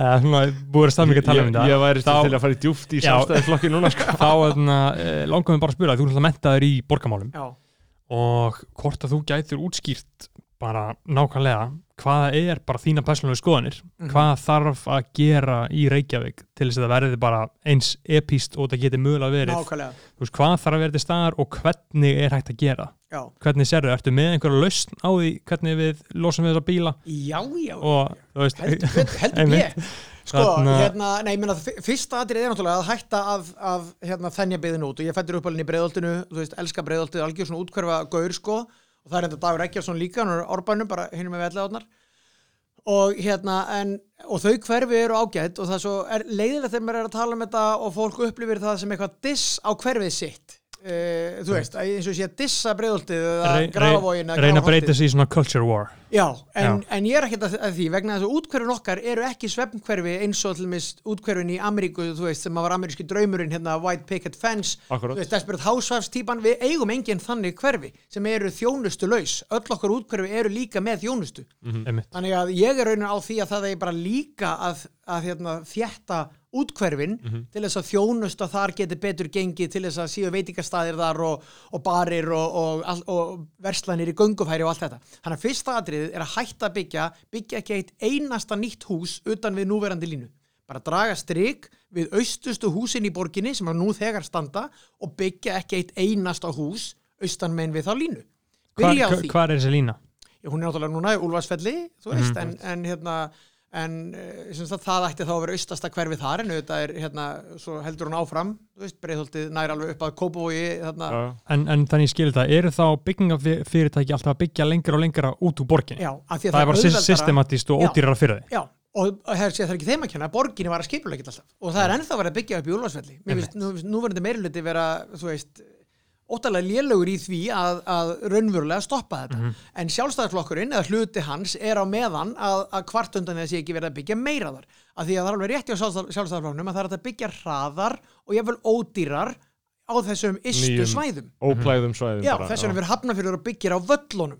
einmitt. Þú veist, það er ekki gott að byggja á völlunum Akkur, fólki bú, býr svo langt í buttu að það er, verður erfitt að halda upp í þjónustu strætó er rosalega lengi að fara út í ysta útnára já. Þannig að á meðan ef þú byggir til mis í skeifunni sem er núna bara eitthvað innaðsvæði ef þú myndir gera íbúðabyggð þar þá fara bara frá því að fyrstum maður flytur inn þá eru skilur strætóleiðir á þryggja mínúna fresti fram í húsun hans einmitt. þannig að þú allir innviðir er miklu, ódýrir að byggja sem sagt svona inn í Og er það, er það bara svona fræðilegu teoretísk staðreind að um, tekin, ef við tökum með það bara þeim markmiðum sem við höfum um góða borg að skref í átt að þessu markmiði er að þetta veist, Já. það við vitum bara að þetta er, það er gott að gera þetta, því að- Og það er ekki ég engin- sé ekki að þessi strengur í mér á móti þessu, en ég hugsa Nei, bara, er, við erum með alveg grundvöld fyrir að segja bara að þetta er raunverulega gott Bara fyrir Já. Vísindilega sannað, Já. fræðilega. Já, Þannig það er fyrsta skrefið. líka, líka það að það kostar samfélagi miklu minna að vera hérna þétt. Þannig að þetta er bæði Já. betra fyrir buddu hvers og eins.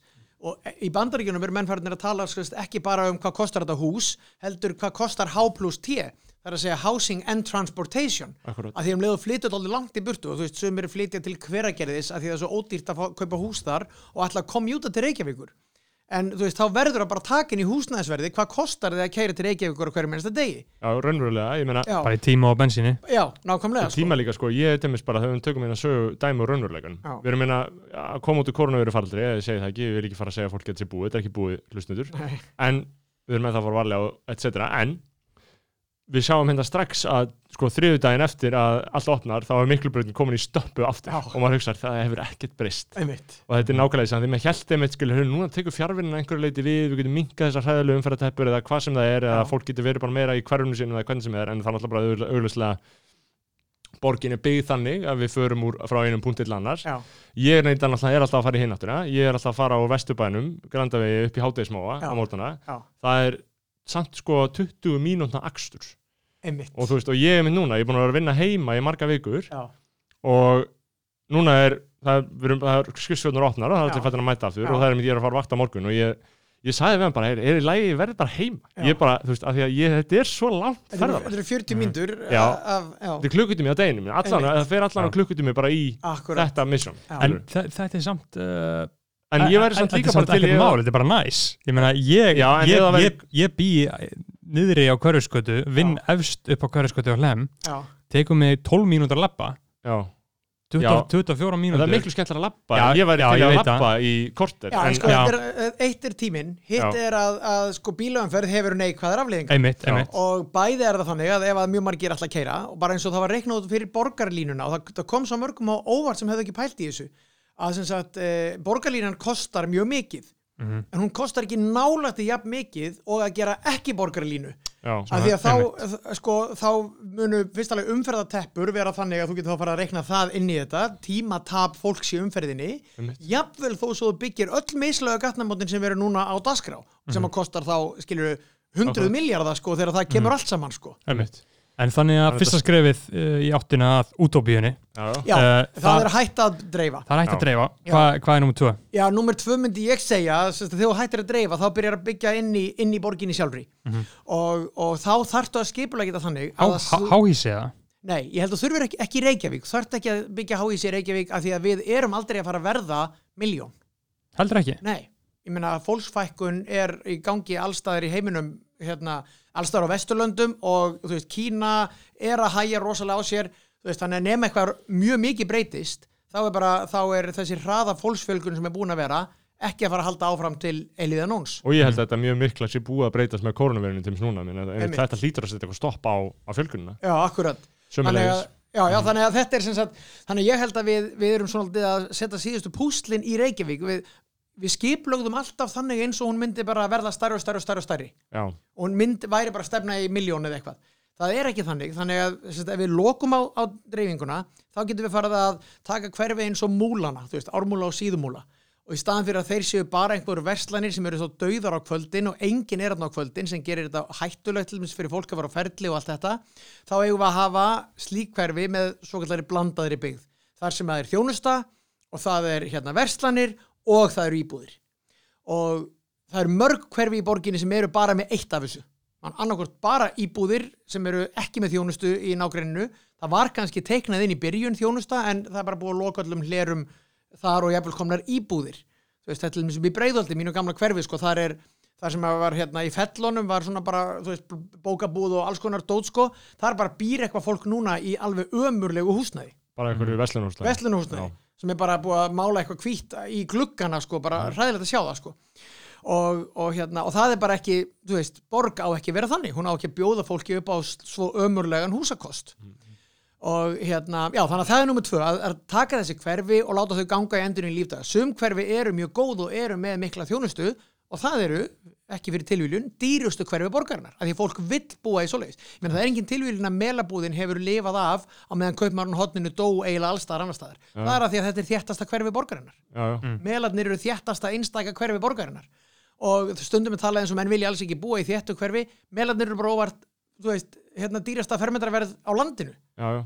Þannig að því að fólk vill Já, búa í þéttri það, það byggð. náttúrulega gengur í berhög við, við það, það, það fulleringa að fólk vilji búa í með enga lóð, Já. risastóra enga lóð þetta er náttúrulega mitt sko ég myndi helst vilja búa melakverjunni mitt eða þá hana yfir ringbraut og upp að öldugötu Já, já. þar, skilur Já, Mm. þar, en, en er þetta er, heldur þú einmitt að í, í ljósi í ljósi þess að segja, sem minnst einmitt áhugavert sko, með að Reykjavík sé ekki að fara að stækka Mhm.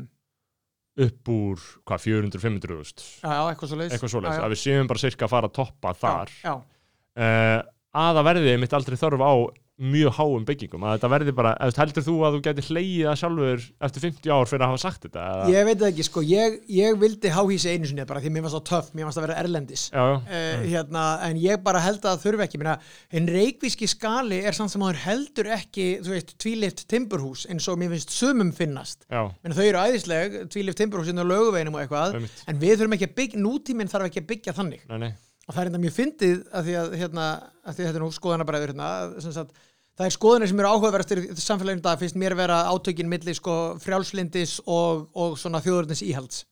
Um, hérna, þjóðurins populískar skoðanir finnst mér vera hættulegasta sem er að gerast núna. Og þetta er miklu meira interessant ás heldur en hægri vinstri ásinn.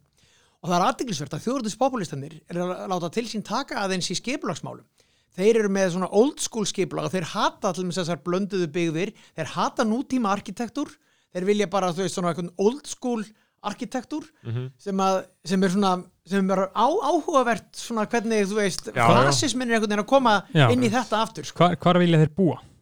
ég sko, þeir held ég, þeir hatast ha, já ok, það er erfitt að alhafa með þetta, margir þeir hafa hatast við miðborgir já, Já, og það gildir um líka sko innræðisherra sko vinstrivægnum mjög miklu sósialistur og svona hafa hatast við miðborginnar af því að spillingabæli og, Já, og þar gætt fólkið hist og einmitt spillingabæli, já, af því að til dæmis í, þú veist, í, í Den var þar voru, skilur, hommarnir, þar voru hérna, þú veist, vændiskonur einhver svona, einhver sollurinn, sko. Akkurat, fólk hatt samna saman Já. og gert það sem það vil, vil Já, gera. akkurat, og svona ákveðin óreiða sem að fyrir töðunar á einræðisherrum þeir vil enga óreiðu. Já, en hérna, Já, sem sé að þetta, hérna, eh, sko, ég held að þurfi ekki að byggja neitt rosalega hátt, ég meina þessir klassíska reikvíska, þú veist, þrjár, fjórar hæðir og efsta indregin, en við sitjum basically í svona húsi hérna, Já, já. það þarf ekki að fara hærra heldur en það, Akkurat. og nú hvað er þetta á hverju skotinni? 105 105, Já. já, Hérna var held ég alþýðubandalagi til húsa lengi, já, Mhm.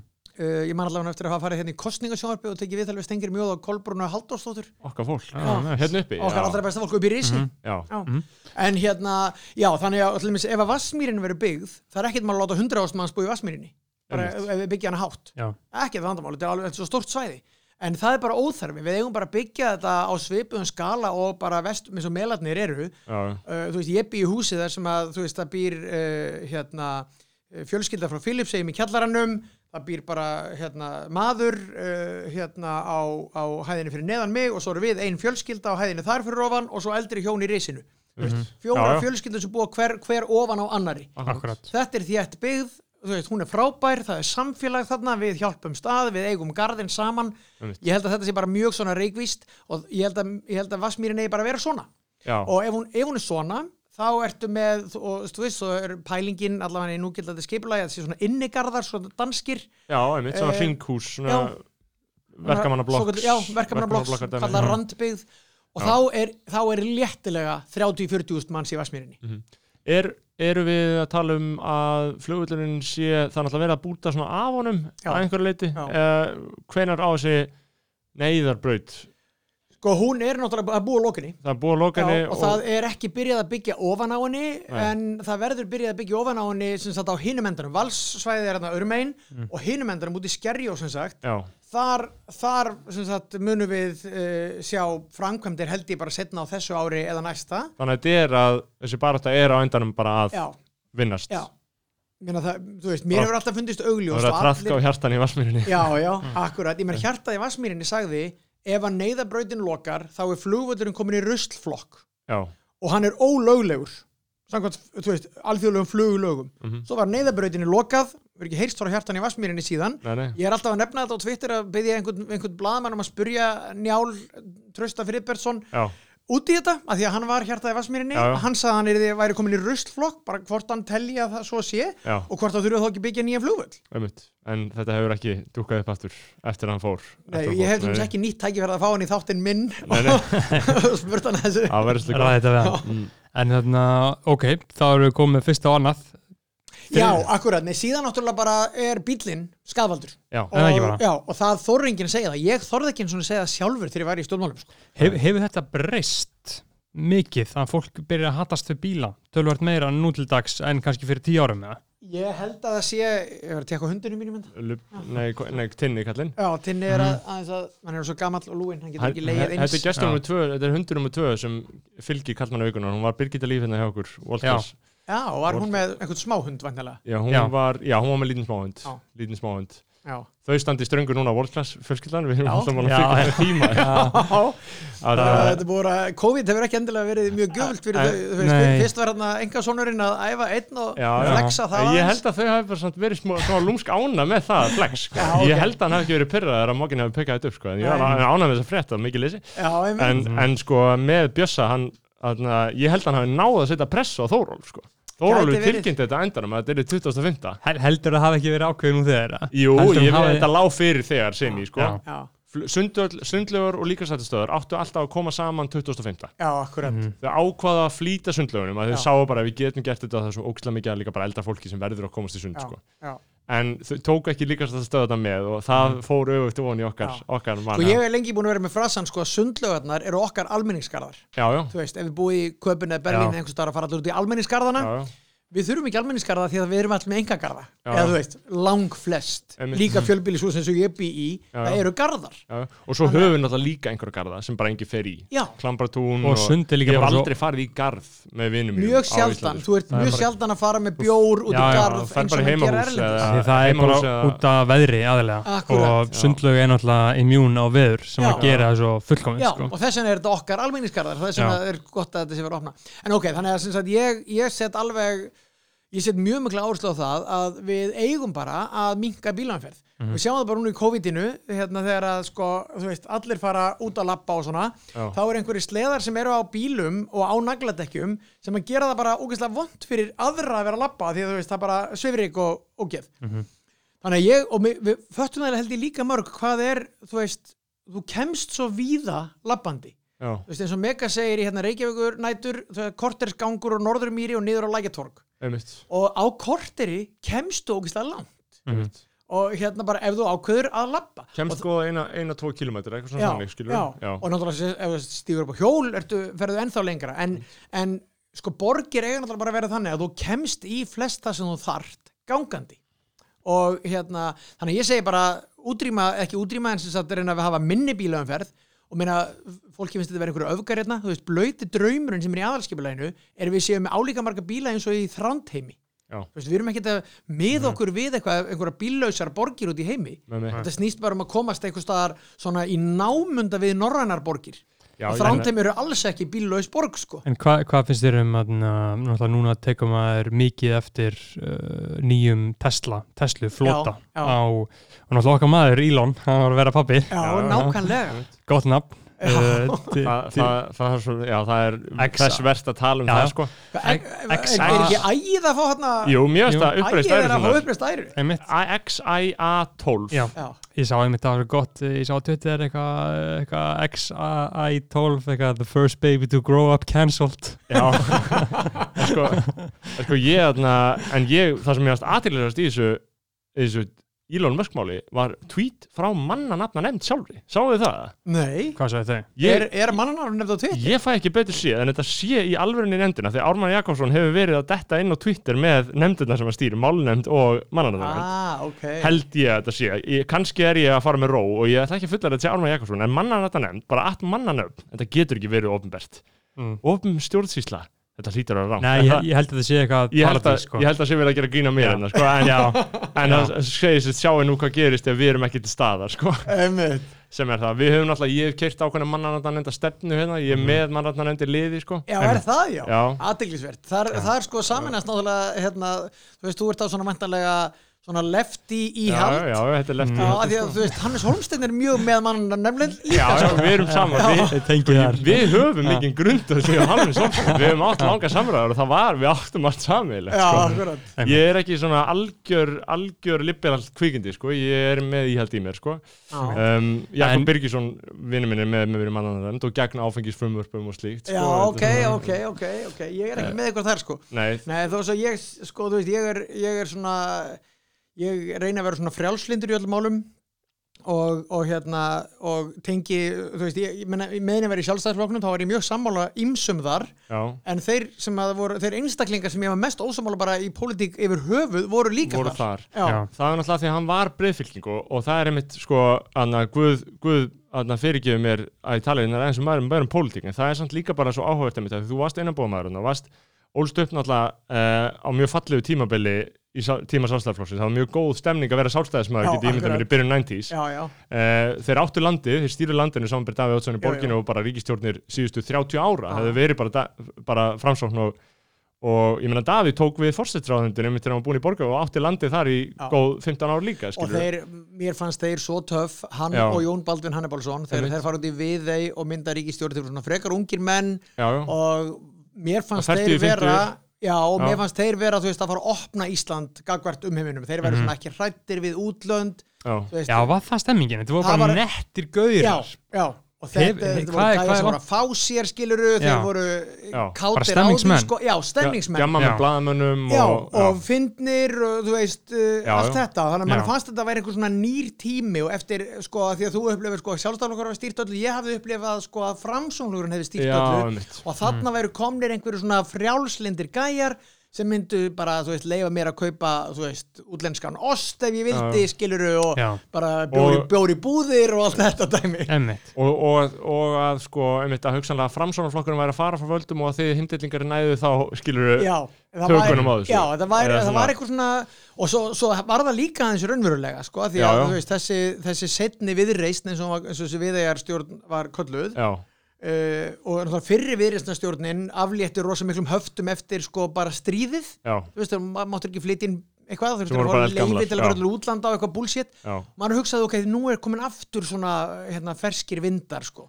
Já þetta er náttúrulega líka mjög áhugavert perspektíf sko einmitt að fólk á okk, af okkar kynslu heyrir Davíð Oddsson og hugsa bara gamli tími Já, akkurat. og heyrir mér, mér, mér, finn- mér finnst aðalega áhugavert að uh, heyra um pólitíkusa sem eitthvað svona nettar Já, netta karaktera eða bara Já, eitthvað svona já, sem er kannski langar smá að vera eins og eða eitthvað svoleiðist ég hef ekki séð það í neinum pólitíkus. Nei, ég var kannski heldur ekkert normal að, vera, að finnast þeir vera nettir, ég veit Nei, nei, ekki. e- e- En mér finnst, sko, mér finnst mér finnst skipta svo miklu máli að pólitíkusar séu, þú veist, einhvern veginn venjulegir, séu normal fólk. Og það er sem, mér finnst vera svona gott við Kötu, er það hvað hún, Katrín Jakobs, Mhm. er það hvað hún er bara algjörlega venjuleg. Emitt. Þú veist, ég er náttúrulega, við erum ekki alveg, ég er aðeins eldri en hún, en við höfum fylgst að, sko, Já. og hún hefur alltaf bara verið þannig, allt ekki með stjórnmálamannin í maganum eða neitt, ekki haga sínu lífi þannig að hann þurfa Mhm. að passa sig bara eins og einhver bandarísku stjórnmálamæður eða eitthvað einmitt. og það gildi líka um Bjarnar Ben sem allir halda örglega hafi verið bara einhvern veginn, þú veist ættar, ættar laukurinn sem alltaf hefði þetta að fara Já. þú tekur þetta fjarni ég upplifði það aldrei þannig þú veist, ég þekkti hana þegar ég var að vinna á lögfræðskrifstofu með vinni mínum Mm. Og svo bara myndi ég eftir hann úr boltanum hann var okkur góður í fótbolta. Þú veist, hann er aðeins eldri en ég en ég meina, hann var fyrirlið 21. árs landsliðsins eða eitthvað sko, var bara, maður vissi, vissi hver hann var út af því, bara algjör nagli Já. er ekki fyndið að þekka allt þetta fólk sem er svona í, í valdastöðu í samfélaginu í dag svona þið vitið bara ekki, en 30 ár. einhver, einhverjir vinir ykkar munu Já. verða fórsættisraðurar, þið bara Já, vitið ekki já. núna hver það verður sko, það er, er, gæti alveg verið sá ólíklegasti Já, Já, já. Jakob Birgis Já, nákvæmlega, ég endorsa Jakob hér Já. með því ég gera það líka sko. Já, Já. En hérna, já, jú, jú, mér, mér finnst það gaman mér finnst það ekki vera, þú veist, ég upplifi mig ekki sem eitthvað, eitthvað einhverja elítu að þekkja þau, nei. þú veist, ég menn ég þekki Katrínu bara frá því einhvern veginn í háskólanum eða einhvern anskotan, skilur og, og hérna og þú veist, og ég er ekkert fættur inn í neitt af þessu, ég man alltaf að þegar ég var sko ungur í breiðoltun, þá þóldi ég ekki þess að krakka sem fengu alltaf að koma í stundin okkar og svona eitthvað, þú veist, þeim voru börn einhverja leikara eða eitthvað, Já, bara, ah, akkur fá við aldrei að fara neitt hérna? þau voru í melaskóla og kennara, fóru- já þau var allir melaskóla Já, skilur, já. hérna, og hagaskóli og eitthvað svona það fólk var alltaf frægt sko. en, það, en, það, en já, þetta er náttúrulega um, er, ég held að þetta sé ekki mikið breytt þetta fyrir, eða, þetta er náttúrulega einhver það eru, veist, það eru náttúrulega ákveðin jöfnunatæki í hverfinum en hverfin eru ennþá svona það er náttúrulega líka ákveð problem að reyna að jafna út þessi hverfi að einhver er þannig, sko. að- þannig að þetta sé ekki svona ógeislegur hrærigrautur af, af elitu og útlendingu jafnvel sem er verið að hólfa, sem er svona einhvern veginn hólfa niður í einhver hverfi skilur Já. hvernig er þetta að spórna með því Ég, í, með því að hafa margar sko búsettu tegundir, bara eins og í mínu, Já, mínu húsi. þar ertu bæði með kjallaríbúð sem er bara mjög lítil. Já, já, og, og það fyrir, ég veit ekki veit ekki af hverju, en síðan ég, ég, er búin að búa í þessu sama húsi í, í hérna, næstu í 20 ár. Já, og það hafa sko, að það hafa bæði verið svona einhverju ungir námsmenn og Já. ansi oft líka, þú veist, innflytjendur. Já, og hérna, og það er bara því að leigan er lág í, í kjallaranum. í já. þetta er ekki frábær í búð þú veist, já. ég þarf að ég fer fram hjá hurðinni þegar ég verið nýri þvóttahús og eitthvað svona. En þetta er svona leiðilega tákgrænt að þau búi í kjallaranum jú, jú, það er það svolítið sko en, Já, já, en, en, það er en, náttúrulega bara Já, einhver, en- einhver markarslega mál já, en það er bara horrið hjá ykkur að, að hverfin þurfa að vera blanda. Einu sinni var það þannig, minnst að uppi breiðolti menn þar voru eiginlega allar félagslegar íbúðir í bænum voru þar. Mm.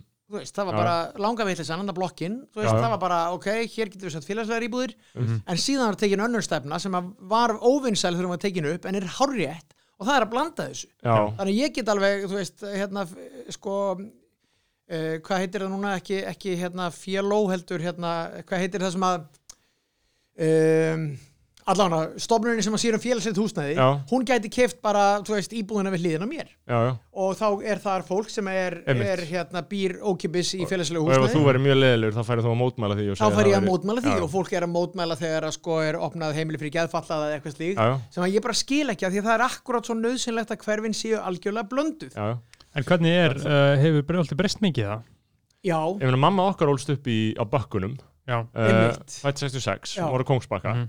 Í, þú veist, íbúð með sex, eða fimm, fimm sískinum Skiluðu voru sex og mikill mannagangur og, og, og afi var uh, vörubílstjóri og síðar frangatstjóri bara bílstjóra fyrirtæki svo síðan já, þú veist, þannig að þetta var svona þetta var bara, hvað getur sagt, bara vennilegir Íslendingar skilur en, en einmitt breyðhildingar eh, eins og þú og mamma þau, þau, þau, þau halda í þetta. Þau segja, Já, já. að Þau, þau eru úr breyðhildi það er eitthvað í þessu. Já, það er að, og ég meina mínir, mínir sko, þú veist uh, æsku vinir sem að bara hérna, sem ég er ennþá með alla daga. All, allt breyðlingar sko. Já, eða já, síðan hefur, hefur bæst inn í þann Já, hóp sko, svona það veist, kjarninn úr einhverju bætast við í Vestló, einhverju bætast við já, Já. en alltaf eru við hérna, sex vinninir sko einmitt. það er einmitt fallegt sko að, geta kleima hverfið sitt svona ótrúlega uh, stoltur einhvern Já, veginn sko, ég vildi eiginlega að ég gæti búið þar af því að sko ég bý núna í Vesturbænum og ég elska Vesturbæin það sem ég sakna er það sem allir með stiðhafið, það er sem hafa allist upp þar að ég á ekki neinar rætur þar. Þú veist, ég á ekki Já. engar svona, ég get ekki sagt eitthvað við stelpuna mínar sko, hei, í þessari hérna, þessum strætóskili hérna var ég lamin eða eitthvað, af því að ég á enga, Já. það gerðist ekkert fyrir mig í Vesturbænum þegar ég var lítill við, við, mitt, maður er með þetta, þetta er Já, eins og sveitin mann sko, maður fyrir bara um hringbröð og Ég- ég, ég- var, ég var að böstað um. fyrir að stela í meilabúðinni og veit ekki hvað að ég man, þú veist maður drakk áfengi fyrsta sinn þarna hjá þarna uh, litla leikskólanum stýrimannastík, það sem er gerfigrasvöllu líka. já, Já, stíró, stíró Já, stýró. Ég man mjög vel eftir því. Það, það var Já. drakkmaður í fyrsta skiptið sko. Hólagarður var vettvangur fyrir það í Já. breyðoltinu Já, já, akkurat, þeir þekkja það sem þekkja það Já, akkurat. En sko breyðoltið er, hérna, er búið að breytast mjög mikið og náttúrulega aðalega fellin Já, uh, og þá fyrst og fremst að því að það er bara komið svo mikið af útlendingum, nýbúum sem koma inn uh, og hérna og uh, ég held að fellaskóli sé örgulega eitt besti skóli á landinu vegna þess að það er svo ótrúlega metnaðafullt starf sem á sér staðar að því að það eru svo margir krakkar sem tala ekki málið. Og það eru tölu svo rosalega mörg tungumál að allir, eh, mjög margir kennarar með mikið metnað til þess að sko, takast á við krefjandi verkefni hafa farið í fellaskóla. Já, já, og, og hérna og, og ég vissum að það er frábært starf sem er í gangi þar. Okkur, við vorum alltaf, sko, ég er á hólunum. Já, fellin voru harðari sko já, Já, þannig að við vorum smá, þú veist ég myndi segja svona að, að, að rankingið í, í breiðaltinu, þá eru sko fellin hörðust Fellin Já. er, já, Já. fellakverði, bara klassíst já, og það var hvar koma bakkanir inn í þetta? ég myndi segja að bakkarnir séu gætu kleima annarsætið Já. á undan hólunum sko. Já. en þú veist, þetta eru, þú veist, Já. selja, selja hver við að, svona teljum það ekki alveg með sko. Nei, nei, það er Nei. þarna einmitt uppi og svo er sumt í nærabröðaltunum líka eitthvað, þú veist, sem eru bara hérna, bakkarnir eitthvað sem eru svona, þú veist, risot og reybilishús og eitthvað. Einmitt, einmitt. En hérna, en sjúklega gaman alveg við breyðoltinu og ég er alveg sannfærður um að breyðoltið oftir að sko hipstera svo rækilega í brækunar einhvern tíma fljótlega. Með, já, og með einhverjum frábærum etnískum veitingastöðum og svona. Sko náttúrulega eitt með gentrification sem að er í bandaríkjunum rosalega hérna, sem sagt, hættulegt orð. Mikið tabú svona- meiri segja þannig að ef, að, ef það fréttist á Whole Foods eða fara ég myndi halda að allir dýrkuð á Whole Foods, ég er dýrk á Whole Foods. Já, en ef það fréttist á Whole Foods eða fara að opna þá er því mótmælt já, já, af því að þá vita menn hvað gerist. Þá Já, kemur gentrification já, já. sem þýðir að leigan hækkar og leigusalinn þinn hendir þér út. Einmitt. gentrification í Reykjavík er öðruvísi vegna þess að hér er engin leigumarkaður. Einmitt. þannig að, þannig að ef þú býrð einhvers staðar þá er líklegt að þú eigir langflestir eiga eftir, þú veist, nefna bara þeir eru í Vit- námi eða eitthvað Vitum við prósentuna á því að já, nei, einhvern tímann við síðana en Já, það er Er alltaf þetta- aðeins markmið allra að 70% eða eitthvað svoleiðis ekki hugmynd Eh. Alltaf, við getum sagt hvaða tölu sem Já, að- já, já, mjög akkurat, sko. akkurat uh, En að því sögum bara meiri hluti Skilur Já, nei, það er sko, það er mikk, þú veist, meni, ég þekki engan fullorðin Nei, sem nei. er að leia. einmitt, Bara, ég þekki engan. akkurat Eru fóröldrar ykkur að leia? Nei, Nei nei Þú veist, ég held bara að það er, það er rosalega óalgengt að fullorðnir leigi. Einmitt. og þetta er ekki langtíma markmið að, að leia, þú vilt langtíma markmið flestra íslenska, bara að því að markaðurinn er þannig er að- Markaðurinn er þannig, menn það er er að kaupa. Já, þó að margir séu alls ekki stöðu til þess að kaupa íbúð á nokkur tímpúti skilur þannig að, já. Þetta hefur En- sannlega aldrei verið erfiðara heldur en fyrir ykkar kynslu, sko. já, já, Er það samt? Ég held það. Er það staðrenda? Mér fannst allavega fáránlega auðvelt, ég kefti fyrstu íbúðuna mína á 5 miljónir já, og ég man að, að sko að, og þú veist við vorum bara mjög ung sko og, og maður þurfti eitthvað, þú veist, eina miljón í útborgun. Mm. og við gátum, fengum eitthvað, þú veist, smávegis frá fóröldurum okkar og svo bara einhverju banki sem lánaði þetta og já, það bara reddaðist Já. en mér finnst eins og það sé miklu einhvern veginn Ég held að fyrir fari- ykkur en samt er, ég Jakob Einmitt. Birgisson er búin að koma sér í já, já, Já, ég meina- hann er alltaf uh, í ákveðnum bransa sko. Já. En já, það er sko ég held að, já, já, það fer eins og allt eftir aðstæðum. Að- að- að- að- að- einmitt, Það fer eftir aðstæðum eins og ég átt að gera til að komast gegnum greiðslumat þurfti ég að bullshitta. Af því Ertu nú- búin ég- að kaupa þér? Já, af því ég, ég er það er mitt og ég þurfti að bullshitta greiðslumat ég akkurat. bara að hafa, tala, hafa samband við endurskóðan láta hann rekna á mig eitthvað sem bara er ekki satt Já, sko, einmitt. Til þess að komast í gegnum greiðslumati. En ef ég væri á venjulegum launum af því að ég er náttúrulega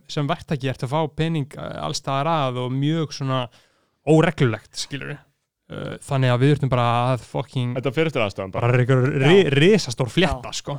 En allavega þá er sem sagt gentrification er ekki jafn hættulegt hér Já. út Já. af þessu þannig að ég, og líka bara út af félagslegu öryggi já, uh, þannig að sem er Íslinga búið Já, þannig að ég er að vona að breiðolti nái að verða sem sagt uh, ofur svalt með frábærum veitingastöðum og einhverjum listagalleríum sem við getum Mhm. ekki svona ímyndað okkur í dag. Já, já, og, og hérna, þá mun íbúðaverð hækka en það verður gott semst fyrir fólki sem býr þegar í þessum íbúðum já, já. Já, já, ég mitt með einhverjum hætti að, að, að tryggja að endi ekki á einhverju svona útbólun Já, ríkara fólks á, á fátakara fólki já, sko. já, um, já, ég er einmitt að hugsa sko, við erum búin að nefna hérna hvað þarf að gerast að einhverju Einmitt, leyti. búin að fara við um, allt En hvað er að stoppa þetta? Það er það sem ég er líka að hugsa það er kjarkleysi Já, Já, Mhm. við erum bara því miður, við erum með eins og hérna, meirulutinni borgarstjórn sem að mér finnst vera með að mörguleiti bara hárrétta stefnu. mm Mér finnst þau, hérna, mér finnst þau bara hafa hrokkið svolítið í kút yfir sko mótmælunum sem hafa komið við þau sem þau gerðu. Mm.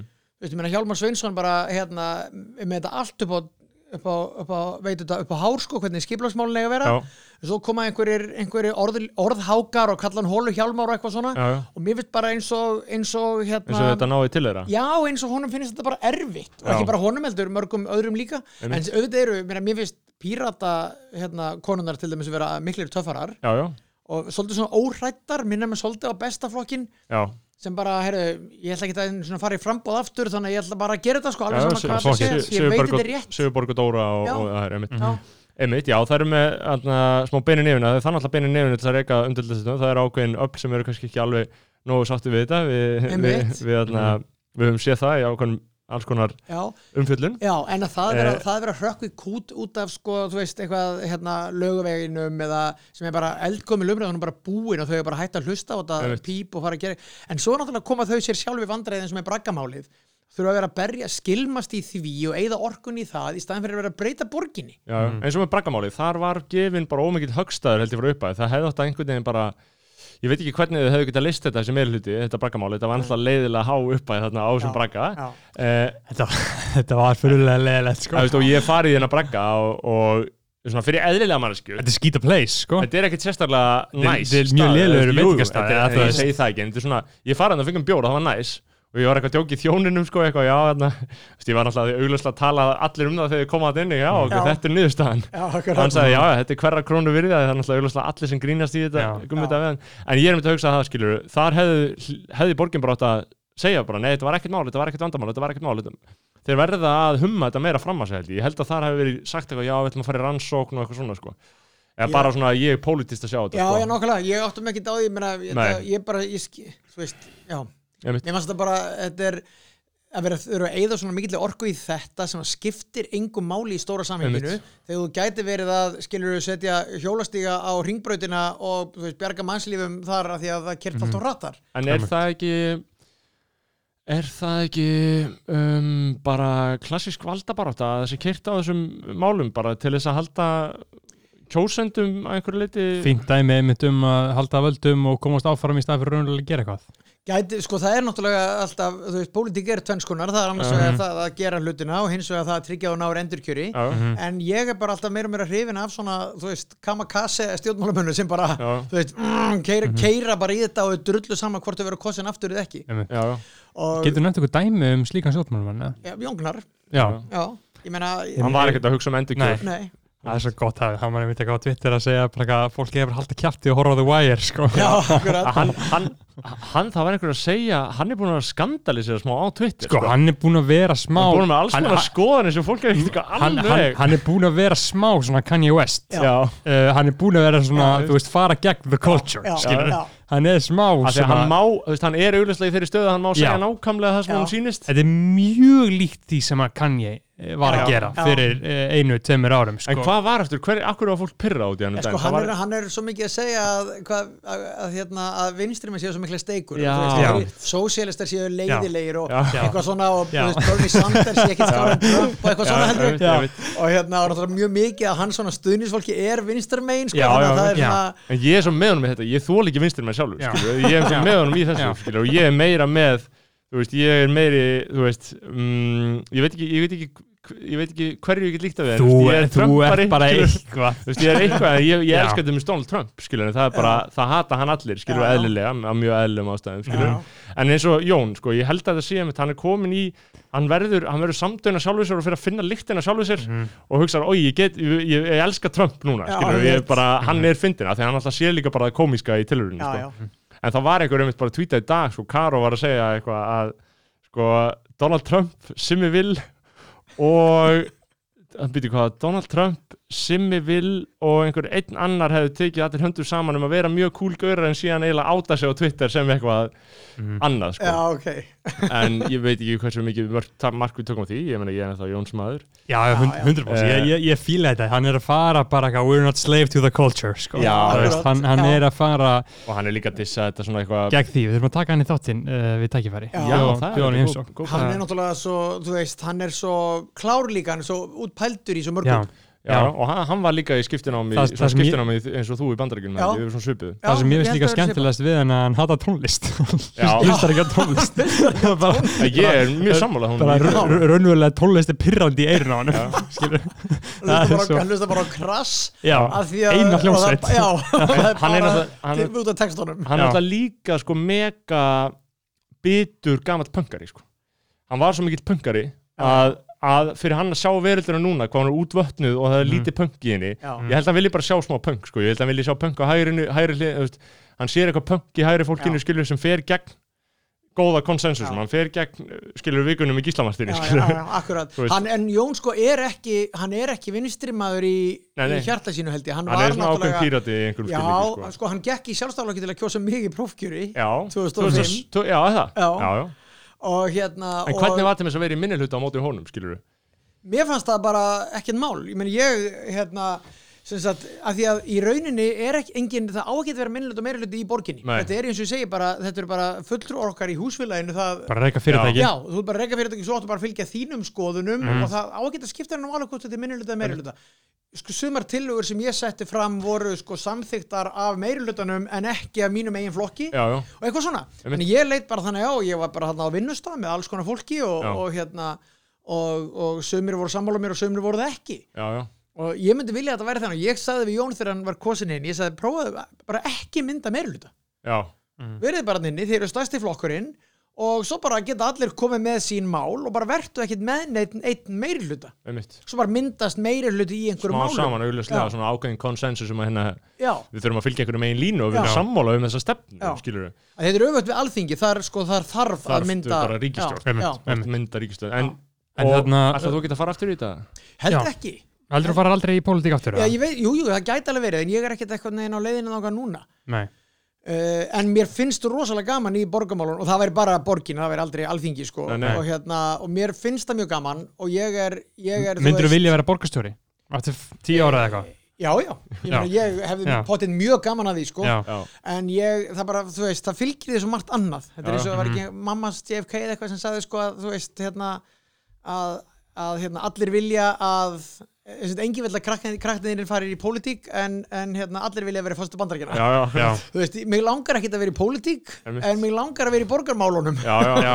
fá bara góðu liðina já, en það og er, þá þannig veist. þetta er alltaf að velja þér flokk ég meina sástæðarflokkurinn er klófin uh, viðreist uh, já, sko, ég er svolítið að vona að það verði bara meira um það að það verði stopnaðir sko flokkar í kringum ákveðin mál. Já, það ekki, þarf þarf að vera í flokk? Getur ekki verið nei, nei, þú independent? getur alveg þú búið þú þarf ekki að vera af- flokki sko Af hverju gerir fólk það þú ekki? bara hefur ekkert bólmagn skilur Nei, en menn, þá þarf, það það bara þarf enginn að heita peppa eitthvað þá er það já. flokkur, skilur menn besti Einmitt. flokkurinn var auðvitað engin flokkur nei, nei. Nei, nei, bara heitir eitthvað og þú þarfst að bjóða fram lista, skilur með, með sem Já. sagt, jafnmörgum fulltrúum eins og ef þú fengir 100% atkvæða Hvað er, Já, hvað er þetta langt prósess? Ef við tölum um þetta bara, ef við myndir útskýra bara fyrir uh, fimm ára batni bara ef Snorri myndi vilja fara í borgarstjórn í Nei, næstu, að við eftir tvö þrý ár. myndum vilja hérna stopna, stopna sem sagt uh, flokk eða bjóða fram til það borgarstjórnar er ekkert útálega að við gerum það. Já, bara enga bíla hatrið, Já, bara já. heitir það og, bara, Mhm. og, hérna, og við, við stofnum flokk saman og þá bara skráir maður hann, ég man að Jón skráði sinn, skráði bestaflokkin einhvern veginn í janúar, já, kostningarnar eru í mæ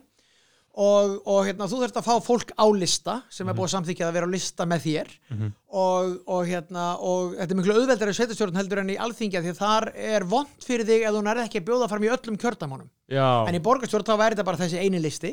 Þannig við Og þrýr værum bara á lista, eitt var í fyrsta, annar í og þriðja. við þurfum að fá okkur undirskriftir einhverju meðmæla sem Mhm. að segja já þessi menn eru ekki galnir skilur já ég stiða þeir og svo erum við bara í frambóðu við getum ákveðið að vera ekki með neina kostningabortu Mhm. en við værum samt sem áður á, Á kjörseðlinum þegar menn mæta Akkurat. en fólk myndi ekkit vita neitt mjög mikið af okkur en, en sem betur er það samt sem áður þannig að, að sko sjónvarp og útvarp fær alla flokkana til sig Já, þannig að það er einhver og kynning. síðan er það bara þitt mál að kynna þig. Svo bara myndum við, þú veist, skoðanabræður væri bara okkar átlegt Já, og væri bara daglegi þættir. Þannig að við erum að tala um skoðanabræðir og GM 2022 það er gott, taka borgarstönda Já, st- stefnum á þetta Ég held að það sé góð stefna Já. sko. við, mm, við erum líst bara mjög lega Ég er þannig að uh, þannig að við víkjum okkur kannski frá pólitíkinni svona í lokin, eða ekki beint frá pólitíkinni langum myndum að spyrja bara það sem að þú ert uh, ætli þú sért ekki svona með frægustu Íslendingunum? Svona, eða þú veist svona, Já, svona top, hvað? to- top 20 Jú, jú. svona ötti blöð skilur við bara svona hver, hver, hvert og eitt þú veist, að þú er búin að fara ná, svo mörg heimili skilur við, já, já, já. ætli þú sért ekki top 20 svona núlefandi Uh, ég áttum ekki á því eiginlega sjálfur sko, en ég meina það, hérna já, En þarna, þá þá langum bara að spyrja því að náttúrulega bara frækt fólk, skiluru, flestir svona frægir eru svona upp til hópa óhamingisamur og óryggir, skiluru, en uh, þú virðist ekki vera. Þú virðist vera nokkuð sáttur já og sáttur ég í það einn nú. skinni ég og, frekar svona glaðsinna já, já, og það virðist ekki vera einhverju svona uppgerð í því. En það er ekki Nei, rétt hjá mér það. já, ég held að það sé alveg rétt ég, ég hef eiginlega alltaf bara verið svona frekar kátur uh, Já. hérna, þú veist, peppaður vestlóstrákur sko Emitt. En, En en, hérna- en hvernig er það, þú veist, til dæmis bara mæta inn á veitingastað? Uh, það eru 30 manns inni. já, 25 manns sjá þig og hugsaðu mig á Gísli Martin eða Já. Gísli Martin skilur, þú veist hvernig er, hvern, hvað gerir það fyrir sjálfsmyndina að vita að fólk sér þig og hugsa strax nafnið í hausnum á sér Já. og hvað þeim finnst um þig sko skilur. ég er náttúrulega orðið svo vanur þessu er, Mm. hérna, ég er ég er búin að vera í sjónvarpu eitthvað svona bara síðan ég var tvítugur sko. Mhm. og, og hérna og langaði það alveg áður en ég var tvítugur Já, þú veist. Já, þú varst í Já. NFFI og svona. Já, Herru, síðan verði ég að spyrja út í eitt ár Já, eftir að spara spurning já, já, já, ok. Hérna, þetta hljómar vel, þetta verður eitthvað þarna. en hérna, já, sko, mér finnst þetta bara að vera, það er miklu fleiri kostir sem fylgja því að fólk viti hver ég er heldur en gallar finnst mér bara fólk er næs og vindur sér upp að manni og segir einhverja næs hluti og, og þú veist, ég kom við á hérna, lemmi matöld og fekk mér takko og leiðningað þá var einhverju þrýr gæjar þar að drekka bjór út í glugga og þeim varst bara mjög fyndið að sjá mig bara eins og mér hefði fyndist að sjá hemma Gunni gamla eða eitthvað. Já. og þú veist, þú voru allir að hérna, taka eitthvað instastory og, og se- setja það þú veist, Þú, og þú ég, fyrir ekki um það. Ég meni, ég fatta alveg að þú veist, þetta er svona næstu eins og þessi að þú veist, bara benda á ég veit ekki, þú veist, jólasveinin eða eitthvað, Já, akkurat. þú veist, maður er svona eitthvað bara eitthvað fyrirbrigði, já, já, já, en ég er algjörlega, mér finnst bara gaman að því, sko. Já, já. Mhm. Um, því að fólk er almennt bara næs, mér finnst Já. bara mér finnst fólk frekar skemmtilegt, sko. Já. já, þannig að þú ert bara alveg sáttur við þetta. Já, en, algjörlega, en veldu þér ekkert eins og þú bara þú ert virkur á Twitter. Já, uh, eitthvað á Instagram eitthvað aðeins já, er eitthvað aðeins þar. Já, uh, hefur þetta ekki áhrif á þína andlegu hilsu eins og gerir flest allara? Ég sleppi eiginlega alveg Facebook Já.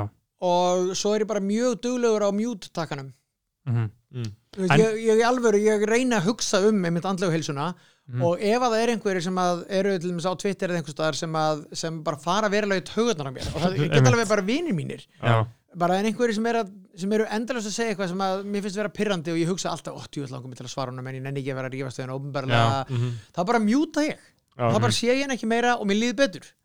Og svo er þetta kannski bara einhver sem ég hitti skilur í Og þá allt í bjór lagi. alveg reglulega og þá er, erum við að tala um annað. Mhm. ég er örgulega nákvæmlega eins gagvart öðrum sko. Endalust að tala eitthvað um þú veist, nagladekk eða eitthvað, eitthvað, eitthvað lúða skoðanir og Mhm. þú veist, það er örgulega fullt af fólki sem meikar það ekki og örgulega margir vinir mínir sem eru með mig á mute. Já, já. Uh, já, já, ég held, ég, ég held að menn mjúti bara frjálslega og það er öllum frjálslega að mjúta alla, skilur, ég Mhm. mjúta á Instagram líka, skilur Mhm. um, Nei, það sem ég ætlaði að spyrja um Já. var tupingen sem ég sá á Wikipedia. Já, Varst þú í tupingen? já, það ekki eru týpingar Ég var þar í fyrra, nei, yndisli pork heyrðu, týpingar býtu og þau eru nú að finna hérna, þau verða fyrst með bólöfnið Já, Í já, okkar í menn í tupingen já, ég var hérna bjó hérna sem sagt einn vetur Mm. með völu minni og við fórum bara hérna Erasmus Akkurat, og, og vorum hann í háskólanum. Ég var þetta aðalega bara, ég var að skrifa björngjörna mína já, og var að læra þýsku. Einmitt, veist, þannig ég var í rauninni ekkit í háskólanum þarna. Einmitt. Til, þess að, til þess að útskrifa fólki þá tubingin sko lítill háskóla, fallegur háskólabæri í Baden-Württemberg í Já. Þísklandi frábær staður. Rétt hjá Stuttgart. Já, rétt að Stuttgart, ég kíkti með til Stuttgart. Já. Frá- já, geggjaður staður sko. frábær tubingin, sko, ég var þar, það er sko háskólin fyrir þá sem er í hái, mæli með því ef við viljið læra það, það fallega mál þýðversku, sem við náttúrulega er öllum mjög holdt, þá eru árleg námskeið í um janúarleitið þar sem að íslenski háskólumar, hvað sem er að læra, geta bara farið í hópferð til tubingin í tvær vikur og gistin á heimili hjá þýskum fjölskyldum og vera að læra þýsku í skólum, sko. Og þú borgar bara ekkert 40 skall fyrir þetta, sko.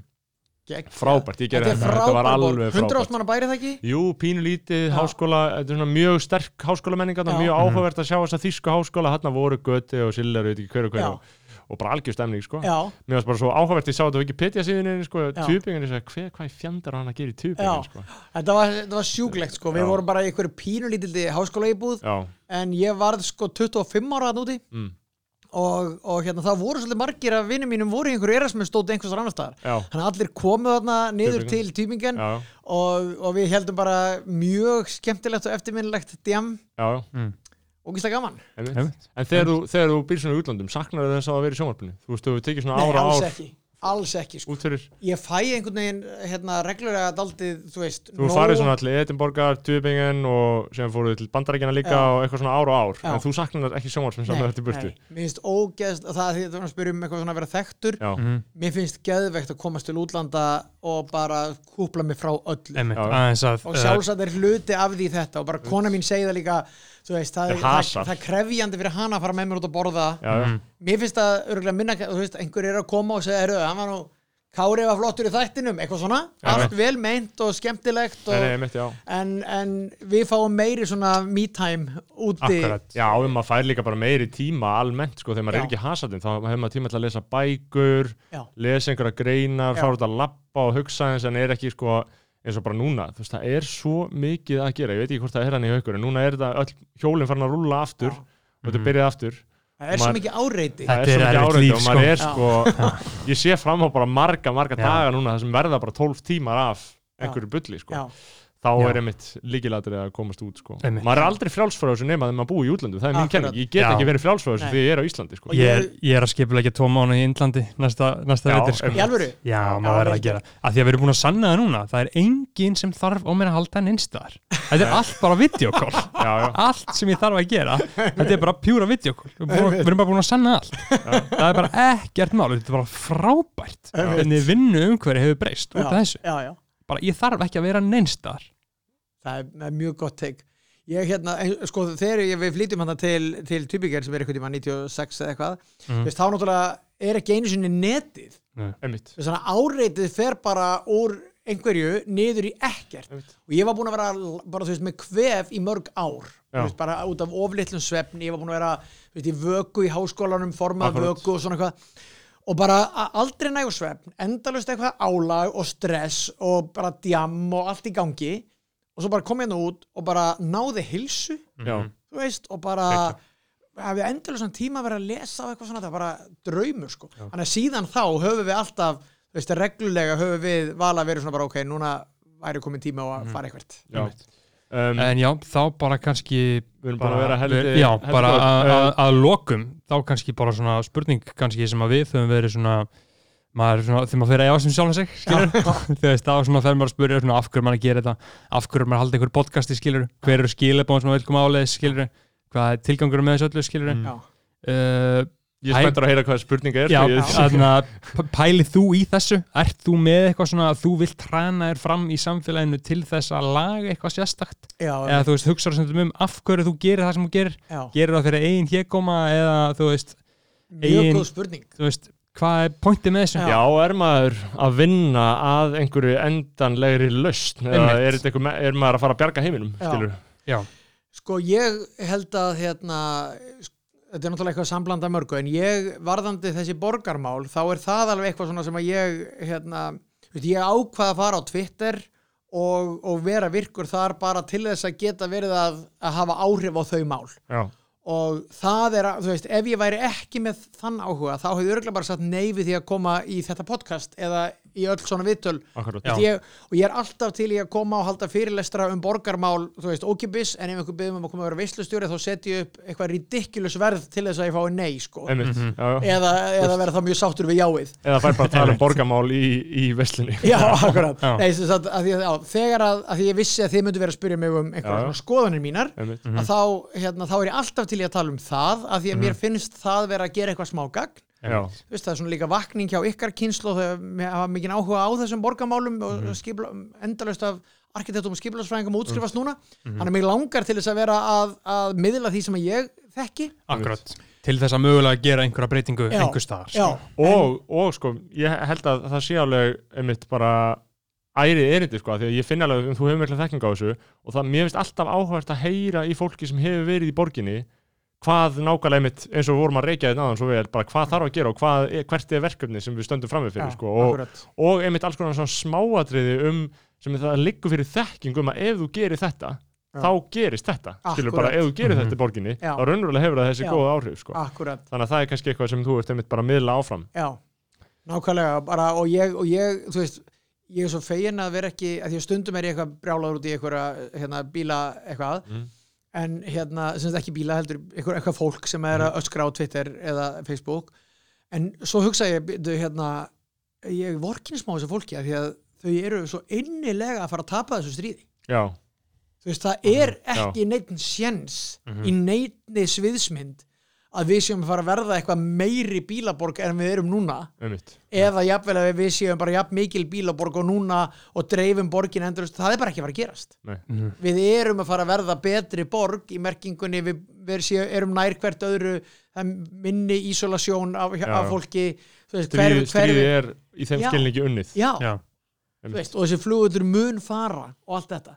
Og það hlýtur, þó sem ég, ég sé stundum frústrerar hvað það gerist Mhm. hægt þá hlýtur að vera ennþá mér að frústrerar að vera hinum einn já, já, þar sem þú ert bara hverjum einasta degi að tapa litlum stríðum já sko. smátt og smátt að Já.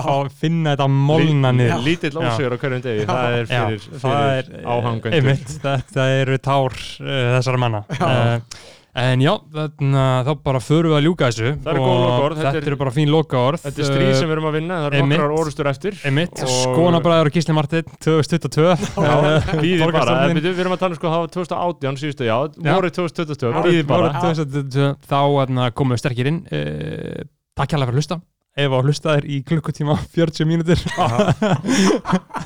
Já, á, já. á, á þetta örgulega einhverjir. Og, og, og takk hérlega fyrir að koma Gísli. Þú verður uh, í kvöld, að þetta kemur út á föstudaginn, þú verður í kvöld með góða gesti. Já, já.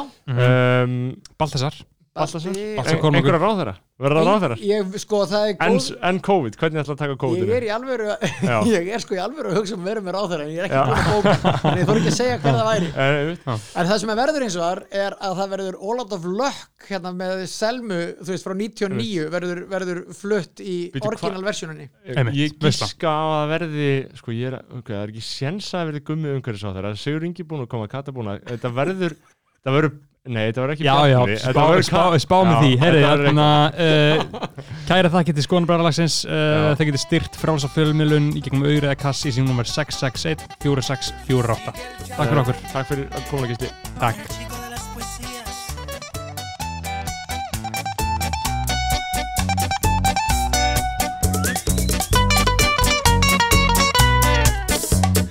Hoy voy a morir de una amarga